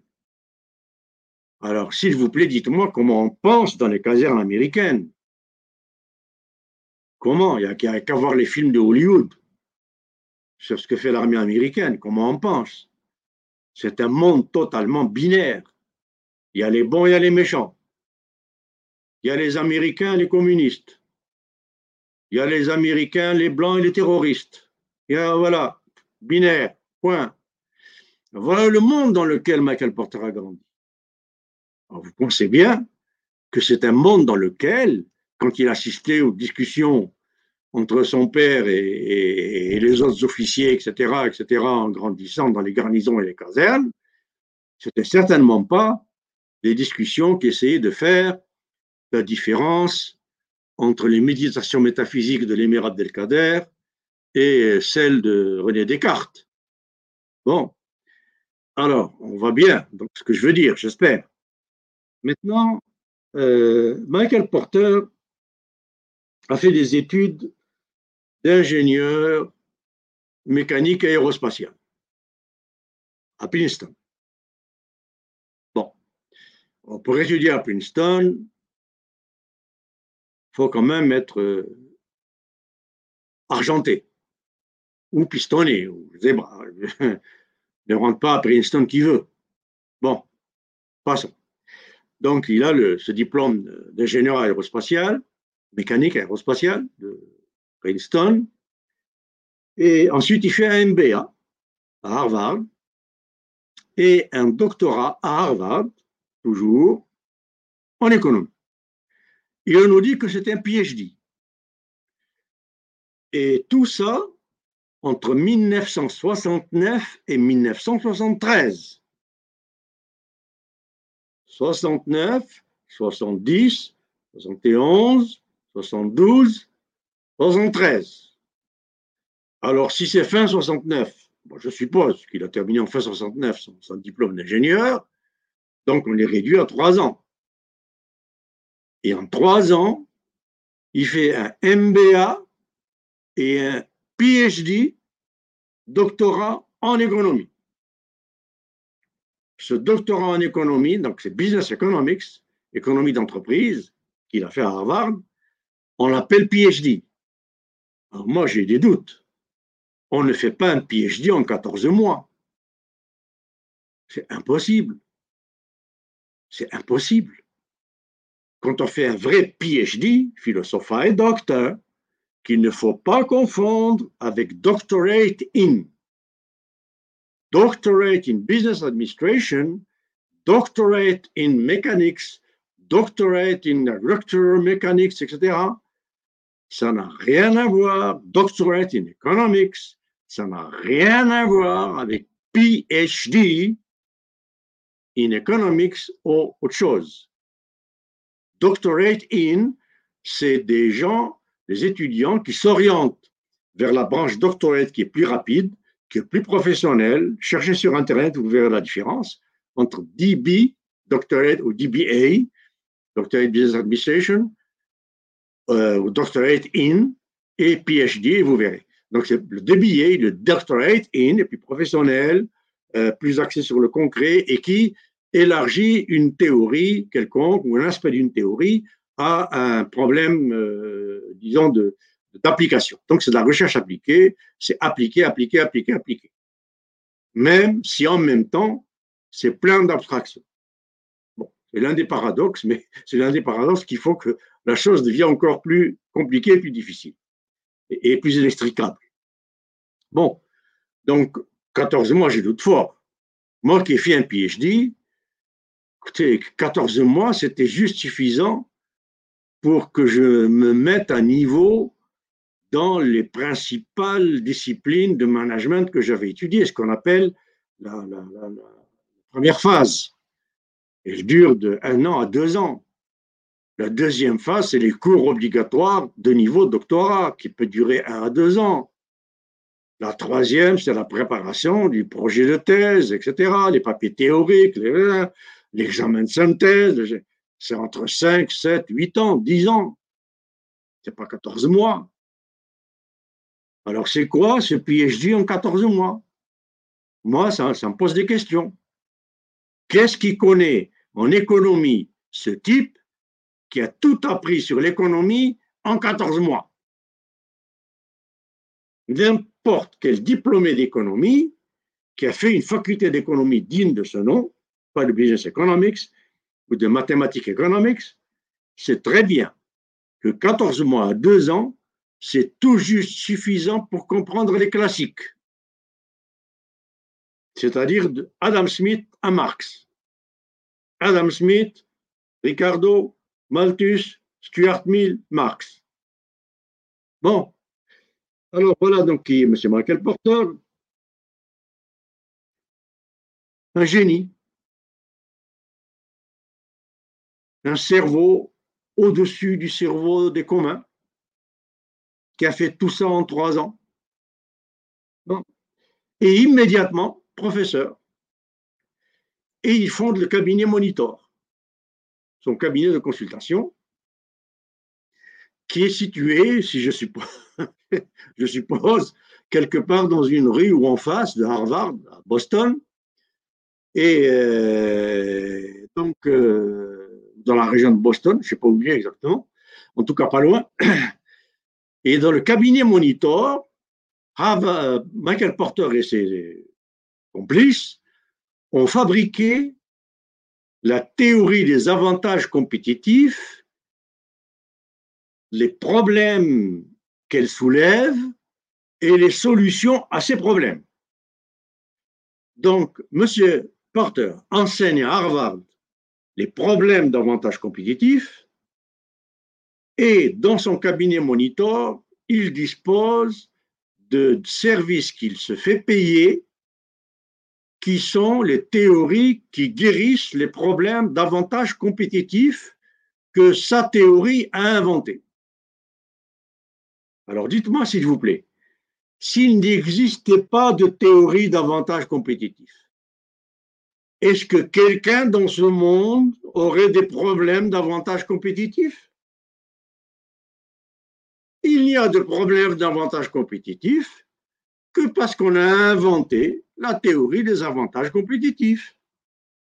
Comme le dit un autre dicton, là où il n'y a d'outils que le marteau, tous les problèmes sont des clous.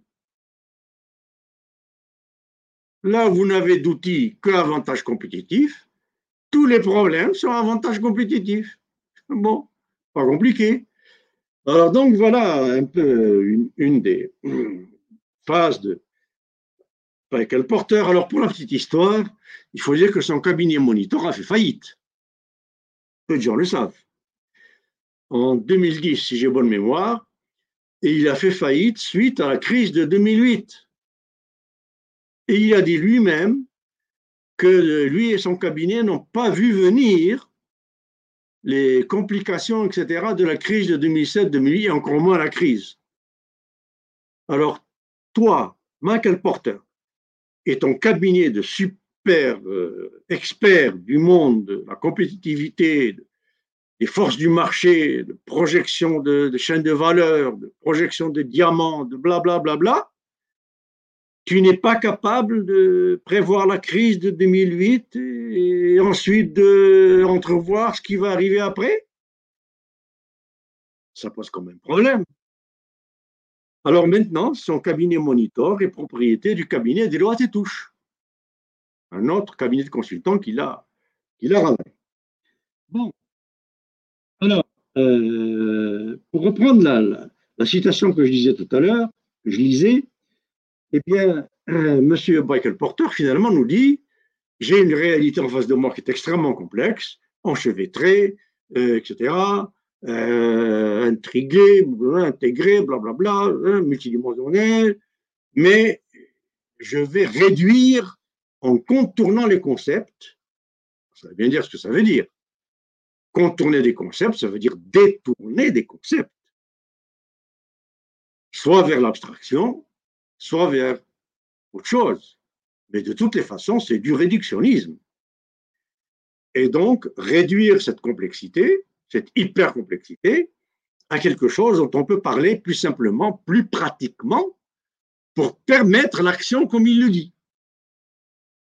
Et permettre aux gens d'action de le comprendre. Les praticiens, comme il le dit. Bon. Alors, voilà donc euh, où commence les errements psychologiques, euh, pardon, épistémologiques, on pourrait dire psychologiques aussi, de euh, Michael Porter.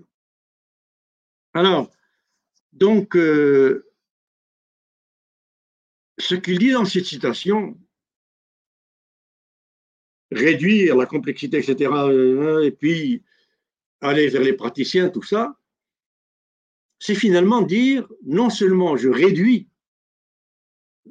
j'opère un réductionnisme en contournant les concepts dans leur complexité vers plus simple et plus pratique pour les praticiens, mais en plus, je fais à la fois œuvre heuristique, c'est-à-dire de fabrication de connaissances, à partir de cette analyse d'avantages compétitifs, et d'herméneutique, à partir de l'analyse des discours que je récolte et des théories que je façonne et que je triture pour confectionner ce discours.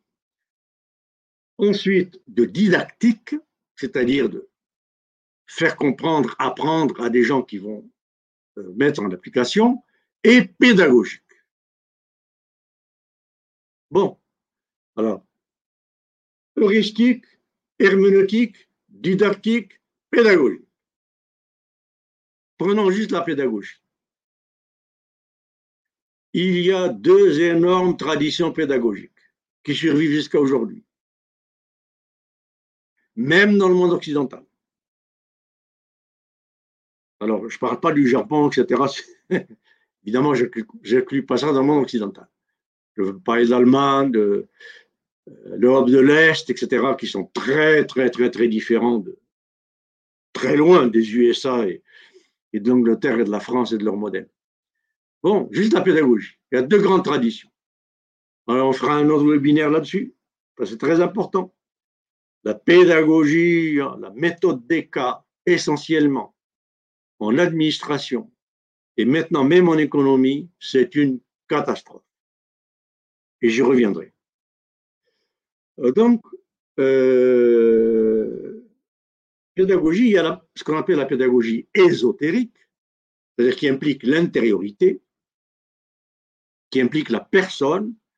Pédagogie ésotérique, c'est le maître et l'élève, c'est Socrate et ses élèves, si vous voulez, Platon ses élèves. C'est ou, euh, je ne sais pas, un sage, un gourou et ses élèves. Je ne parle pas de secte et de compagnie, ça c'est autre chose. Hein. Bon. Et donc, ou, la tradition chinoise, extrême-orientale, euh, même chez, chez, les musulmans, on trouve ça aussi, chez les soufis, etc. Bon, ésotérique, c'est-à-dire qu'on essaye de faire avancer à la fois l'intellect, les tripes et l'être du disciple. Pas juste son discours. Pas juste lui inculquer un discours qu'on lui fait répéter à un examen. Il faut qu'il chemine par lui-même et qu'il suive son, qu'il apprenne un jour à suivre son propre chemin. Comme on le dit dans le bouddhisme, si jamais tu rencontres le Bouddha, tue-le tue-le symboliquement. Parce qu'il faut que tu trouves ton chemin après avoir suivi celui que te montre Bouddha. Bon, ça c'est l'ésotérique qui implique l'intériorité des personnes, les personnes elles-mêmes. Ce que j'applique moi-même, j'expliquerai ça plus tard dans un webinaire sur la, pédagogie, Inch'Allah, c'est comment j'essaie de m'arranger pour faire en sorte que mes étudiants, où qu'ils soient, de n'importe quel niveau, soient différents, non seulement dans ce qu'ils pensent et ce qu'ils savent, mais dans ce qu'ils sont en tant que personnes le jour où ils sortent de ma classe par rapport au jour où ils sont entrés. Sinon, j'ai tout raté.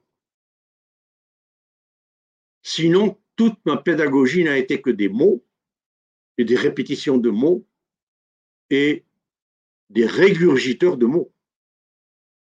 Ça, c'est l'ésotérique.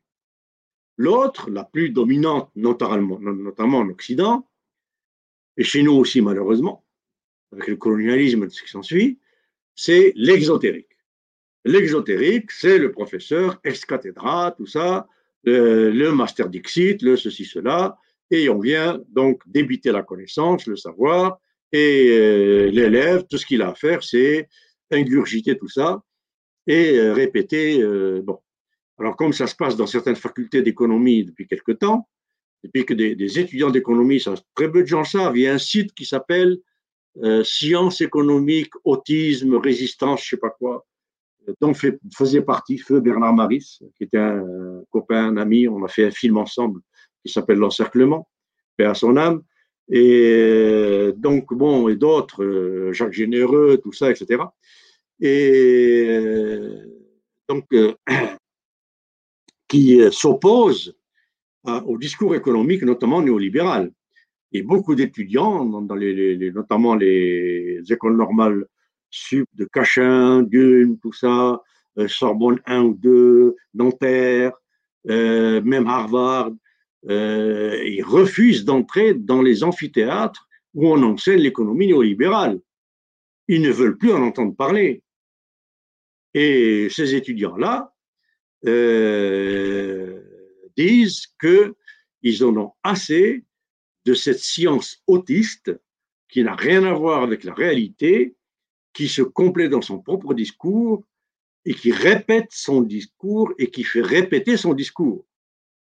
Alors, depuis, comme des étudiants remettent en question même les examens, des fois, quand, euh, quand ils ont à passer des examens, eh bien maintenant, paraît-il, j'ai lu ça je ne sais où, que euh, dans certaines facultés d'économie, on met en gras et en gros, au début de la feuille d'examen, il n'est pas permis de discuter les hypothèses économiques. Parce que les étudiants s'amusent à dire, par exemple, je suis désolé, mais cet examen n'arrête pas de me parler de marché, de concurrence libre et parfaite, d'information pure et parfaite, mais ça n'existe pas. Ce n'est que des hypothèses. Donc, comment voulez-vous que je traite ce problème? Ça n'a aucun sens. Alors, pour éviter que les étudiants ne discutent les hypothèses qui sont des postulats, comme j'ai expliqué avant, qui viennent de Valras, qui est le moins instruit, le moins cultivé de tous les théoriciens de l'économie, de toute l'histoire de l'économie, et qui est le père de l'économie néoclassique et du néolibéralisme, Léon Valras, qu'il n'avait en tout et pour tout comme instruction qu'un diplôme de bac secondaire français en maths littérature. Point. Alors, comparé à Marx, qui était docteur en philosophie, de la philosophie de l'époque, qui incluait tout, de Bernard à 24 ans, ou à Adam Smith, ou à Stuart Mill, et, hein, bon, alors, très peu de gens savent tout ça. Très peu de gens savent tout ça, mais il faut le savoir si on veut savoir ce qu'on fait et où on va. Bon, alors donc, voilà pour euh, à la fois heuristique, herméneutique, Donc l'exotérique, c'est extérieur. Tout ce qui importe, c'est que vous régurgitiez à l'examen tout ce que je vous dis et vous ne posez pas de questions et ne discutez pas les hypothèses, ne discutez pas les présupposés, ne discutez rien du tout. Bon. Alors moi, dans ma pratique professeur à HEC Montréal ou ailleurs, par exemple, bon, j'ai ma, réputation. Ben, les étudiants, les collègues, tout ça, disent ben, il est de gauche. Je ne me cache pas. Mais qu'est-ce que c'est être de gauche? Être de gauche, c'est croire en la perfectibilité de l'homme. Être de gauche, c'est croire en la possibilité d'égalité entre les hommes, entre les humains. Être de gauche, c'est être du côté des opprimés, pas des oppresseurs. Être de gauche, c'est être vigilant intellectuellement. C'est quoi être de gauche? C'est avoir un couteau entre les dents et aller voler les bicyclettes à ceux qui en ont. Euh, c'est quoi? Bon, mais c'est ça.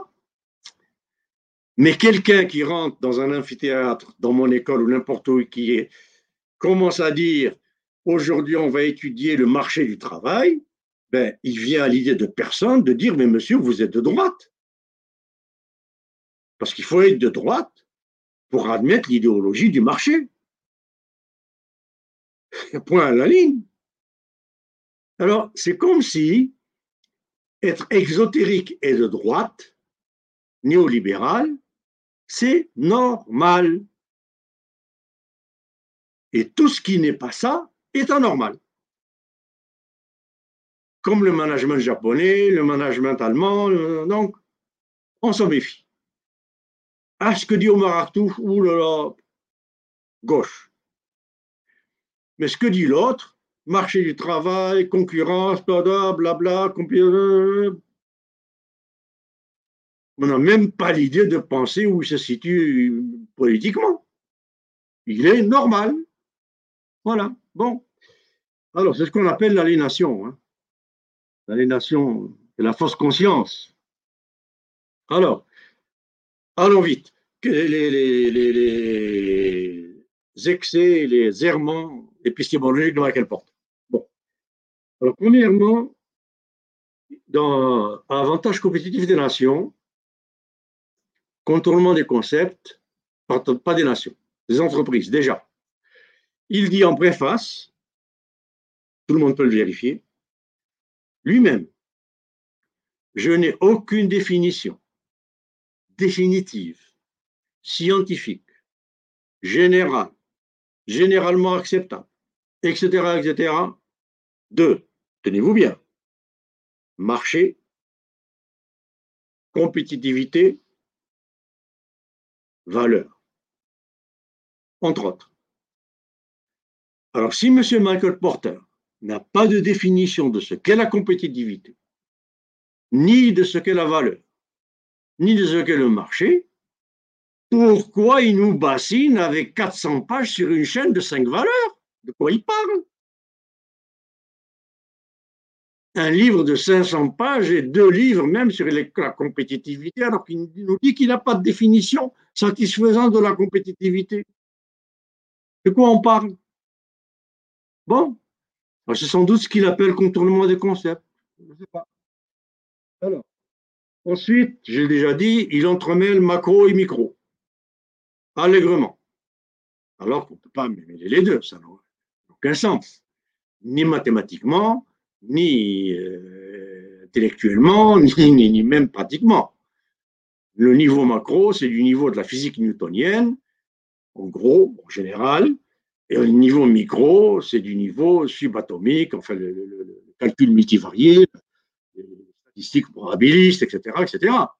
Bon, donc, alors, et puis il mélange allègrement les cas. Alors, dans Avantage des nations, des, pardon, des entreprises, il dit notamment 20 cas à peu près qu'il a pris pour construire tout ce qu'il a construit là. Et dans ces 20 cas, il y a pêle-mêle, mélangé, vous avez Toyota, vous avez Nissan, vous avez Peugeot, vous avez Renault, vous avez General Electric, vous avez Daimler-Benz, vous avez Hyundai, vous avez oh, Samsung. C'est quoi ça? Monsieur Michael Porter ignore que Toyota, Samsung, Mercedes, euh, Honda vivent sur des planètes complètement différentes. Je dis bien des planètes complètement différentes de celles de General Motors, de General Electric, de Peugeot, de Renault et de Chrysler Qu'est-ce que ça a à voir? Comment comparer ce que fait Toyota qui applique ce que dit le ministère de planification, etc., du commerce extérieur du Japon et qui collabore avec les autres entreprises japonaises qui partagent son, know-how, sa technologie, etc., qui, qui, qui donne de l'emploi à vie, qui ne licencie jamais, qui, etc., qui donne des salaires à ses PDG inférieurs à ceux de ses employés clés comme la Japan Airlines, où euh, le PDG touche un salaire inférieur à celui de ses pilotes. Comment mettre tout ça dans le même sac? Le marché allemand, qui est un marché social planifié, le comparer avec le marché libre de fais ce que tu veux comme tu veux à la Milton Friedman de, de, de, des États-Unis, mais comment il peut faire ça? Ça n'a aucun sens. Un de mes étudiants qui me fait ça, je lui mets zéro. Ensuite, alors, tous ces cas, ben bien entendu, comme j'ai dit tout à l'heure, heuristique, c'est construit à partir d'un délire sur un délire sur un délire sur un délire. Bon, on va revenir là-dessus. C'est compris, c'est des rationalisations et des méta-rationalisations bon, sur le modèle indigène des dirigeants qui ensuite devient modèle de théorisation pour alimenter la théorie macro de stratégie qui va venir réalimenter la théorie micro d'application de la stratégie et d'implantation, etc., etc. Tautologie. Bon, plusieurs boucles en plus. Bon, donc, euh, qu'est-ce qu'il nous fait ensuite euh, on, est, on est à. Hein on a dépassé les deux heures. C'est vrai. ah, je voulais pas vous interrompre, mais. Aïe, aïe, aïe, aïe, aïe, aïe, aïe, aïe, Bah, bah, je, vais, je, vais, je vais essayer de. Bon, je sais pas si. Il y a, il y a, il y a pas mal de questions aussi. Donc, je, je vais conclure là-dessus et puis je reprendrai la suite, euh, disons. Non, la suite. Et je pense qu'on va. Et je pense les, les questions. Euh, la semaine prochaine, Inch'Allah, je reprendrai la suite mais c'est juste pour, conclure là-dessus. Donc, il nous mélange euh, les cas. C'est de la tautologie à plusieurs niveaux et euh, c'est de la théorie qui tourne en rond. Merci, désolé, mais c'est comme j'ai déjà dit, on ne peut pas parler à contre-courant de la pensée existante sans prendre du temps. Je suis désolé. Allez-y, allez-y, il n'y a pas de problème. On continue, on prend les questions. Euh, comme vous voulez. Si, on finit, moi je pense qu'on euh, doit finir le webinaire. Après les questions, on, va faire, on peut faire la semaine prochaine. Si vous voulez. Bon, alors on va essayer d'aller plus vite. Donc, rationalisation des méthodes théoriques, je, pense qu'on a, compris ça. Donc, euh, mais en plus, comment il mesure la compétitivité les mesures de la compétitivité qu'il applique, c'est quoi? L'efficacité, compétitive, C'est quoi? C'est le profit, c'est le chiffre d'affaires sur actif, c'est le cash flow, c'est le cash flow sur actif, c'est etc., etc. Mais tout ça ne rend absolument pas compte tous les dégâts que fait une entreprise en faisant ça et qu'on appelle externalité. Qu'est-ce qu'il en fait? Ça passe comme ça inaperçu, ça, ça n'existe pas. Alors, juste, alors là, pour mesurer l'efficacité micro des entreprises, il utilise des indicateurs qui sont des indicateurs purement comptables financiers. Bon. Or, on sait qu'on peut être extrêmement efficace sur le plan comptable et financier et être extrêmement destructeur sur le plan social et environnemental. L'Algérie en est un parfait exemple. On a des tas de, millionnaires et de milliardaires, très efficaces financièrement et comptablement, mais on a une société, un environnement algérien, l'Arab, qui est ce qu'on en sait. Bon, alors, ne parle pas que d'Algérie, évidemment. Donc, euh, les mesures. Ensuite, avantage compétitif des nations. Qu'est-ce qu'il nous dit?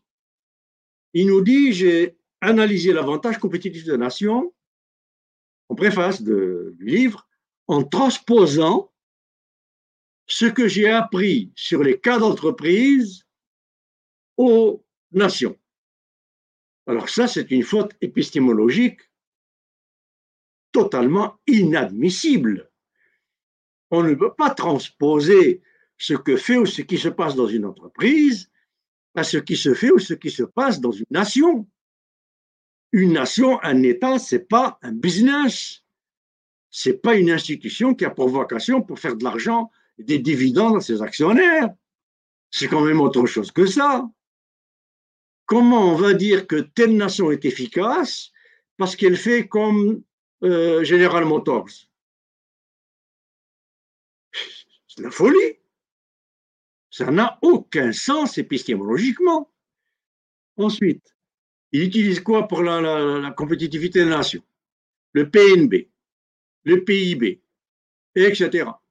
Or, on sait très bien que le PNB et le PIB, ça mesure quoi? Ça mesure le flux d'argent et l'accumulation d'argent. Or, le PNB peut augmenter en détruisant le pays. Une épidémie, une catastrophe naturelle, un tremblement de terre, des guerres, ça augmente le PNB. On le sait très bien. et le PIB. Alors comment il peut parler d'avantages compétitifs quand euh, euh, ça peut être des destructions en parlant de PNB et de PIB comme indicateur de, compétitivité des nations? Alors, je vais vous donner un exemple. Ben, j'étais en Colombie, 98, et Monitor, il, est venu faire, il n'est pas venu lui, il a envoyé ses assistants. Ça a coûté, je me rappelle bien, quelque chose comme 10 millions de dollars au gouvernement colombien de l'époque pour un rapport de 75 ou 80 pages qui s'appelle Informe Monitor, où M. Potter dit aux Colombiens, à la Colombie, votre premier avantage compétitif, c'est le bas salaire de vos employés. Mais faites attention, le Mexique, euh, la Mongolie, je ne sais pas quoi, etc., ont des salaires plus bas. Alors, depuis quand l'avantage d'une nation, c'est la misère de son peuple? Quand on sait que le salaire moyen le plus bas colombien, c'est le salaire des bananeros ou des cortaderos, c'est-à-dire ceux qui coupent la canne à sucre ou, les bananes, c'est en moyenne 1 dollar à 2 dollars par jour. Ça, c'est un avantage pour la Colombie, ça C'est un avantage pour Nestlé, pour Coca-Cola, pour General Motors, mais surtout pas pour la Colombie ni pour les Colombiens. Bon, ensuite, il leur dit votre deuxième avantage compétitif, c'est votre fiscalité, fiscalité compétitive. Qu'est-ce que ça veut dire ça? Ça veut dire, ben, vous faites payer moins d'impôts aux voleurs, aux multinationales qui viennent piller la Colombie, vous leur faites payer moins qu'aux autres. Voilà. Alors, un exemple, en Argentine, pendant la même période, ou presque quelques années avant, AT&T a investi en Argentine 38 ou 40 millions de dollars dans le cuivre, non, chilien, par exemple, au Chili, au Chili. 40 millions, 40 millions de dollars dans le cuivre chilien. En une année, Haïti a sorti du Chili quelque chose comme 3 à 4 milliards de dollars de bénéfices du Chili en investissant 40 millions. Ils sont où les avantages compétitifs là? Bon, ça c'est une autre affaire, on en parlera sur la mondialisation un jour, j'espère qu'on fera un webinaire là-dessus, sur la vérité des prix, la vérité des salaires, la vérité des profits, la vérité des transferts, la vérité des bénéfices et tout ça. Bon, voilà. Donc, euh, les mesures, ces mesures, bien entendu, rendement, etc., cash flow, tout ça, ça implique qu'il faut avoir constamment des coûts les plus bas possibles. Donc, il faut toujours avoir des salaires les plus bas possibles et des coûts de la nature les plus bas possibles pour être compétitif. Sinon, on ne l'est pas. Alors, si on pousse vers le bas constamment la valeur du travail et la valeur de la nature, qu'est-ce que ça veut dire? Ça veut dire qu'on appauvrit son peuple et qu'on lui donne de moins en moins de services, notamment en termes de culture, d'instruction, de science, de connaissances, de compétences, etc., etc., de santé, de bien-être, de disponibilité, tout ce qui s'ensuit, et ensuite qu'on pollue, qu'on détruit de plus en plus la nature, qui se retourne contre nous, comme par exemple le Covid.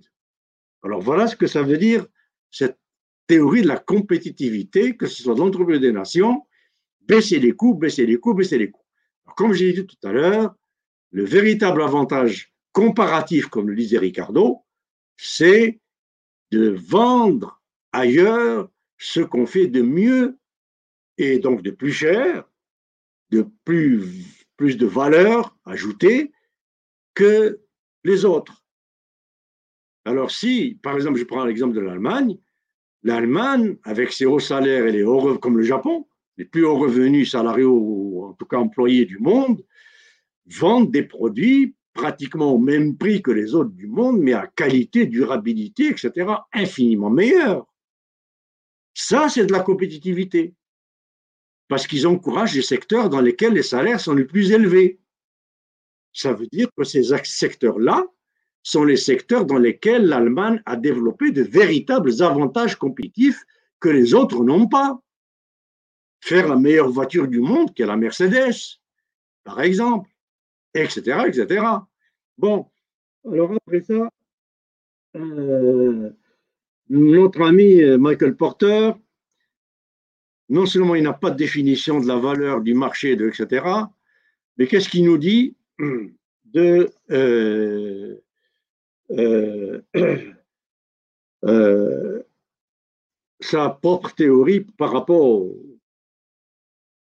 aux autres grandes théories par rapport auxquelles il aurait dû se. Je m'excuse, je cherche à aller vite, mais bon, ça, m'oblige à, à, réfléchir à trois niveaux en même temps. Alors, qu'est-ce qu'il nous dit? Il nous dit que ce qui fait l'avantage, aussi bien c'est les avantages, enfin l'avantage compétitif, c'est la compétitivité. Bon, alors cette compétitivité, on n'y fait pas attention, mais ça devient un, concept, même flou, pas défini, qui finit par absoudre tous les, tous les excès, qui finit par absoudre toutes les injustices, qui finit par faire dire que si les pays d'Afrique, les anciens pays colonisés, les pays du tiers-monde, etc., etc., ne sont pas dans l'état où ils sont de pauvreté endémique et de non-développement, parce qu'ils sont pillés, parce qu'ils sont volés, parce que les termes de l'échange sont injustement dominants de la part de l'Occident, par des rapports de force, même militaires, etc., etc. Non. Ça, c'est just too bad, mais l'Afrique, vous êtes pauvre, c'est pas parce qu'il y a eu l'esclavage, c'est pas parce qu'il y a eu le, le, colonialisme, c'est pas parce qu'il c'est parce que vous ne savez pas utiliser vos avantages compétitifs. Et à chaque fois qu'un étudiant africain, brésilien, colombien ou du tiers-monde fait une thèse de maîtrise de doctorat avec un concept de Michael Porter, il fait une thèse pour enrichir l'Occident. C'est une théorie qui a été construite non pas pour aider les pays pauvres, mais pour aider les plus riches et les plus, et les plus nantis. Pourquoi on dit saine concurrence, saine compétitivité? Pourquoi elle est saine? Elle est saine parce que c'est toujours le plus fort qui gagne. Point. Et on le voit de plus en plus avec l'hyperconcentration des richesses que vient de dénoncer l'Union européenne et même le FMI et la Banque mondiale, euh, que personnellement je dénonce depuis 30 ans. Alors, euh, en plus, si la théorie de la compétitivité marchait, depuis 30 ou 40 ans qu'elle existe, tous les pays, tous les pays et toutes les entreprises du monde seraient compétitives. Ça fait 30 ans, 40 ans qu'elle existe, cette théorie. Et on en est toujours à des problèmes de compétitivité. Donc ça veut dire qu'elle ne marche pas. Point à la ligne. Et bon, tout à l'heure, j'ai expliqué un peu pourquoi. Alors, si on va un peu vers les, concepts eux-mêmes, les concepts qu'utilise Michael Porter, chaîne de valeur, force du marché, diamant, etc., etc., euh, tout ça, au fond, c'est des concepts de type, de, genre idéal type de Max Weber c'est-à-dire des concepts abstraits, abstraits, abstraits, qui n'ont rien à voir avec la réalité, qui ne sont pas des forces agissantes dans la réalité. Mais Michael Porter fait comme si c'était des forces agissantes dans la réalité. Et c'est d'ailleurs l'une des, critiques majeures qu'on fait à Karl Marx, c'est notamment Max Weber qui a fait cette critique, alors que Max Weber était un admirateur de Marx, hein. ce que peu de gens savent aussi. C'est lui qui a introduit l'enseignement de Marx à l'université de Berlin, en philosophie et en économie. Bon, donc Max Weber disait, Marx fait une faute, c'est qu'il confond des idéaux types que sont force productive, moyens de production, euh, rapport de production, etc., qui sont des, des types, il les confond avec des forces agissantes. Relations de propriété, relations d'appropriation, on expliquera ça dans d'autres séminaires, Inch'Allah, parce que j'aimerais bien parler un peu de Marx un de ces jours. Eh bien, tout ça, nous dit Weber, ça ne marche pas, parce que c'est juste des abstractions, des idiotypes, et donc ça peut expliquer pourquoi idiotype, c'est-à-dire une, sorte de concept idéal. mais pour prendre le langage de, Louis Althusser, c'est des concepts, abstraits, abstraits, généraux, pas des concepts abstraits concrets, des, des concepts concrets régionaux. Donc, ça ne marche pas dans la réalité. Voilà, voilà un peu une des. Je ne dis pas, je ne fais pas de parallèle entre Marx et Porter, hein, loin de là. Attention, on y reviendra, mais sinon, c'est juste pour faire comprendre les choses. Donc, euh, l'autre faute épistémologique, c'est de confondre l'État avec le business. L'État considéré comme un espace pour faire de l'argent. L'État n'est pas un espace pour faire du PNB. L'État ne peut pas se réduire à ça. Et pour faire du PNB grâce à quoi? Grâce à l'enrichissement des patrons des entreprises et des, actionnaires en plus. On va où là? Ça n'a aucun sens. Alors, qu'est-ce que les peuples, qu'est-ce que la nature? C'est un ensemble de coûts qu'il faut baisser. C'est tout. Voilà ce que sont ces concepts-là contournement de concept dont euh, parlait euh, Porteur. Alors, en plus, quand il nous parle d'avantages compétitifs des nations, là, il va très loin. Parce que Michael Porter, en termes d'avantages compétitifs des nations, il n'a ni plus ni moins que la prétention de décrire et d'expliquer comment des nations avancent dans l'histoire. C'est ça comment elles deviennent riches ou pauvres ou puissantes ou pas puissantes ou pas ceci ou pas cela. Bon, dans son langage compétitif, eh bien ça, c'est faire preuve d'historien ou d'historiographe. Or, Michael Porter n'a aucune formation d'historien ni d'historiographe. Alors je lui demande, quand il fait preuve comme ça d'historiographe en nous parlant de mouvements dans l'histoire des nations, comment il se situe par rapport à d'autres écoles historiographiques, comme celle des Annales, de Fernand Brodel, de Louis Ariès, de Philippe Ariès, pardon, etc., de Leroy Ladurie. De... Comment? Comment il se situe par rapport à l'école historiographique, par exemple, de Karl Polanyi, anthropologique, ethnologique, et des suites de Karl Polanyi, comment il se situe par rapport à l'historiographie, l'historiographie dialectique, matérialiste dialectique, qui nous vient de Héraclite, 6e siècle avant Jésus-Christ, et qui nous a été transmise par Hegel, Feuerbach et Marx. Est-ce qu'on peut faire preuve d'historiographe sans même mentionner ces noms C'est impossible. Absolument impossible s'il ne fait pas la démonstration que le matérialisme historique est faux, automatiquement, tout ce qu'il dit est faux.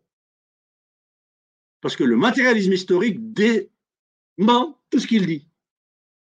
Et je ne parle pas des annales et compagnie et compagnie. Bon, alors ensuite, euh,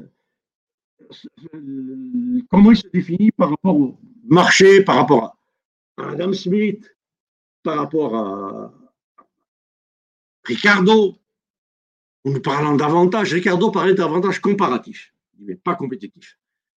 Bon, comment Rien du tout, rien. En tout et pour tout, dans toute son œuvre, à moins que j'ai mal lu, j'ai trouvé deux ou trois pages par-ci, par-là, où il parle en quelques lignes. Voilà. Alors, il renvoie dos à dos Ricardo et Smith en disant que ces deux-là n'ont pas compris les forces du marché. Point la ligne. C'est tout. Alors, par rapport à des monuments comme Adam Smith et Ricardo, qui ont passé leur vie à parler de ça, se situent par rapport à eux en disant tout juste qu'ils n'ont pas compris les forces du marché, ben je m'excuse, mais pour un docteur en économie, c'est faible, et même très, très, très faible et dangereux. Bon, euh, son plus récent, euh, je termine avec ça, son plus récent avatar, euh, récemment, après la crise de 2008, etc., il s'est mis à commencer à parler de valeurs sociales. Il dit en plus de valeurs, blablabla, les entreprises, euh, dans leur compétitivité, doivent inclure de la production de valeurs sociales. Qu'est-ce que c'est de la production de valeurs sociales? Qui peut produire des valeurs sociales Est-ce qui veut dire des bienfaits à la société Est-ce qui veut dire des programmes sociaux Est-ce qui veut dire des filets sociaux Ça, c'est le rôle de l'État, pas le rôle de l'entreprise. Ou alors imposé à l'entreprise par l'État qui oblige l'entreprise à payer un salaire minimum, un ceci, un cela, une retraite, des primes, de je sais pas quoi, des primes de licenciement, de chômage, etc., etc., Bon, alors voilà, je conclue avec ça et je dirais où en est le monde aujourd'hui avec toutes ces théories, notamment Michael Porter, qu'on n'arrête pas d'appliquer et devant lequel on se met à genoux partout dans le monde. Je suis désolé, mais c'est une catastrophe théorique intellectuelle, humaine et futuriste. Merci. Merci, professeur Omar Aktouf, pour ce webinaire sur stratégisme, folie des grandeurs et les errements épistémologiques, le cas de Michael Porter. Et merci d'avoir accepté d'être ici en direct sur notre émission Cash Politique. Donc, les questions pour la prochaine fois? Alors, tu, tu je te laisse l'annoncer pour la semaine prochaine.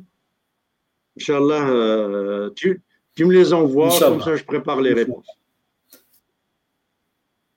يا با بروبليم. مشاهدينا الكرام وصلنا إلى نهاية الحصة. بإمكانكم التفاعل معنا عبر اشتراك في قناة اليوتيوب والانضمام إلى مجموعة كاش بوليتيك على الفيسبوك لكي يصلكم كل جديد. قناة اليوتيوب راهي جزء من تحت هذيك هي لامين مستاك. شكرا على طيب متابعتكم. دمتم في أمان الله وحفظ الله Ok. Attends, je termine le live.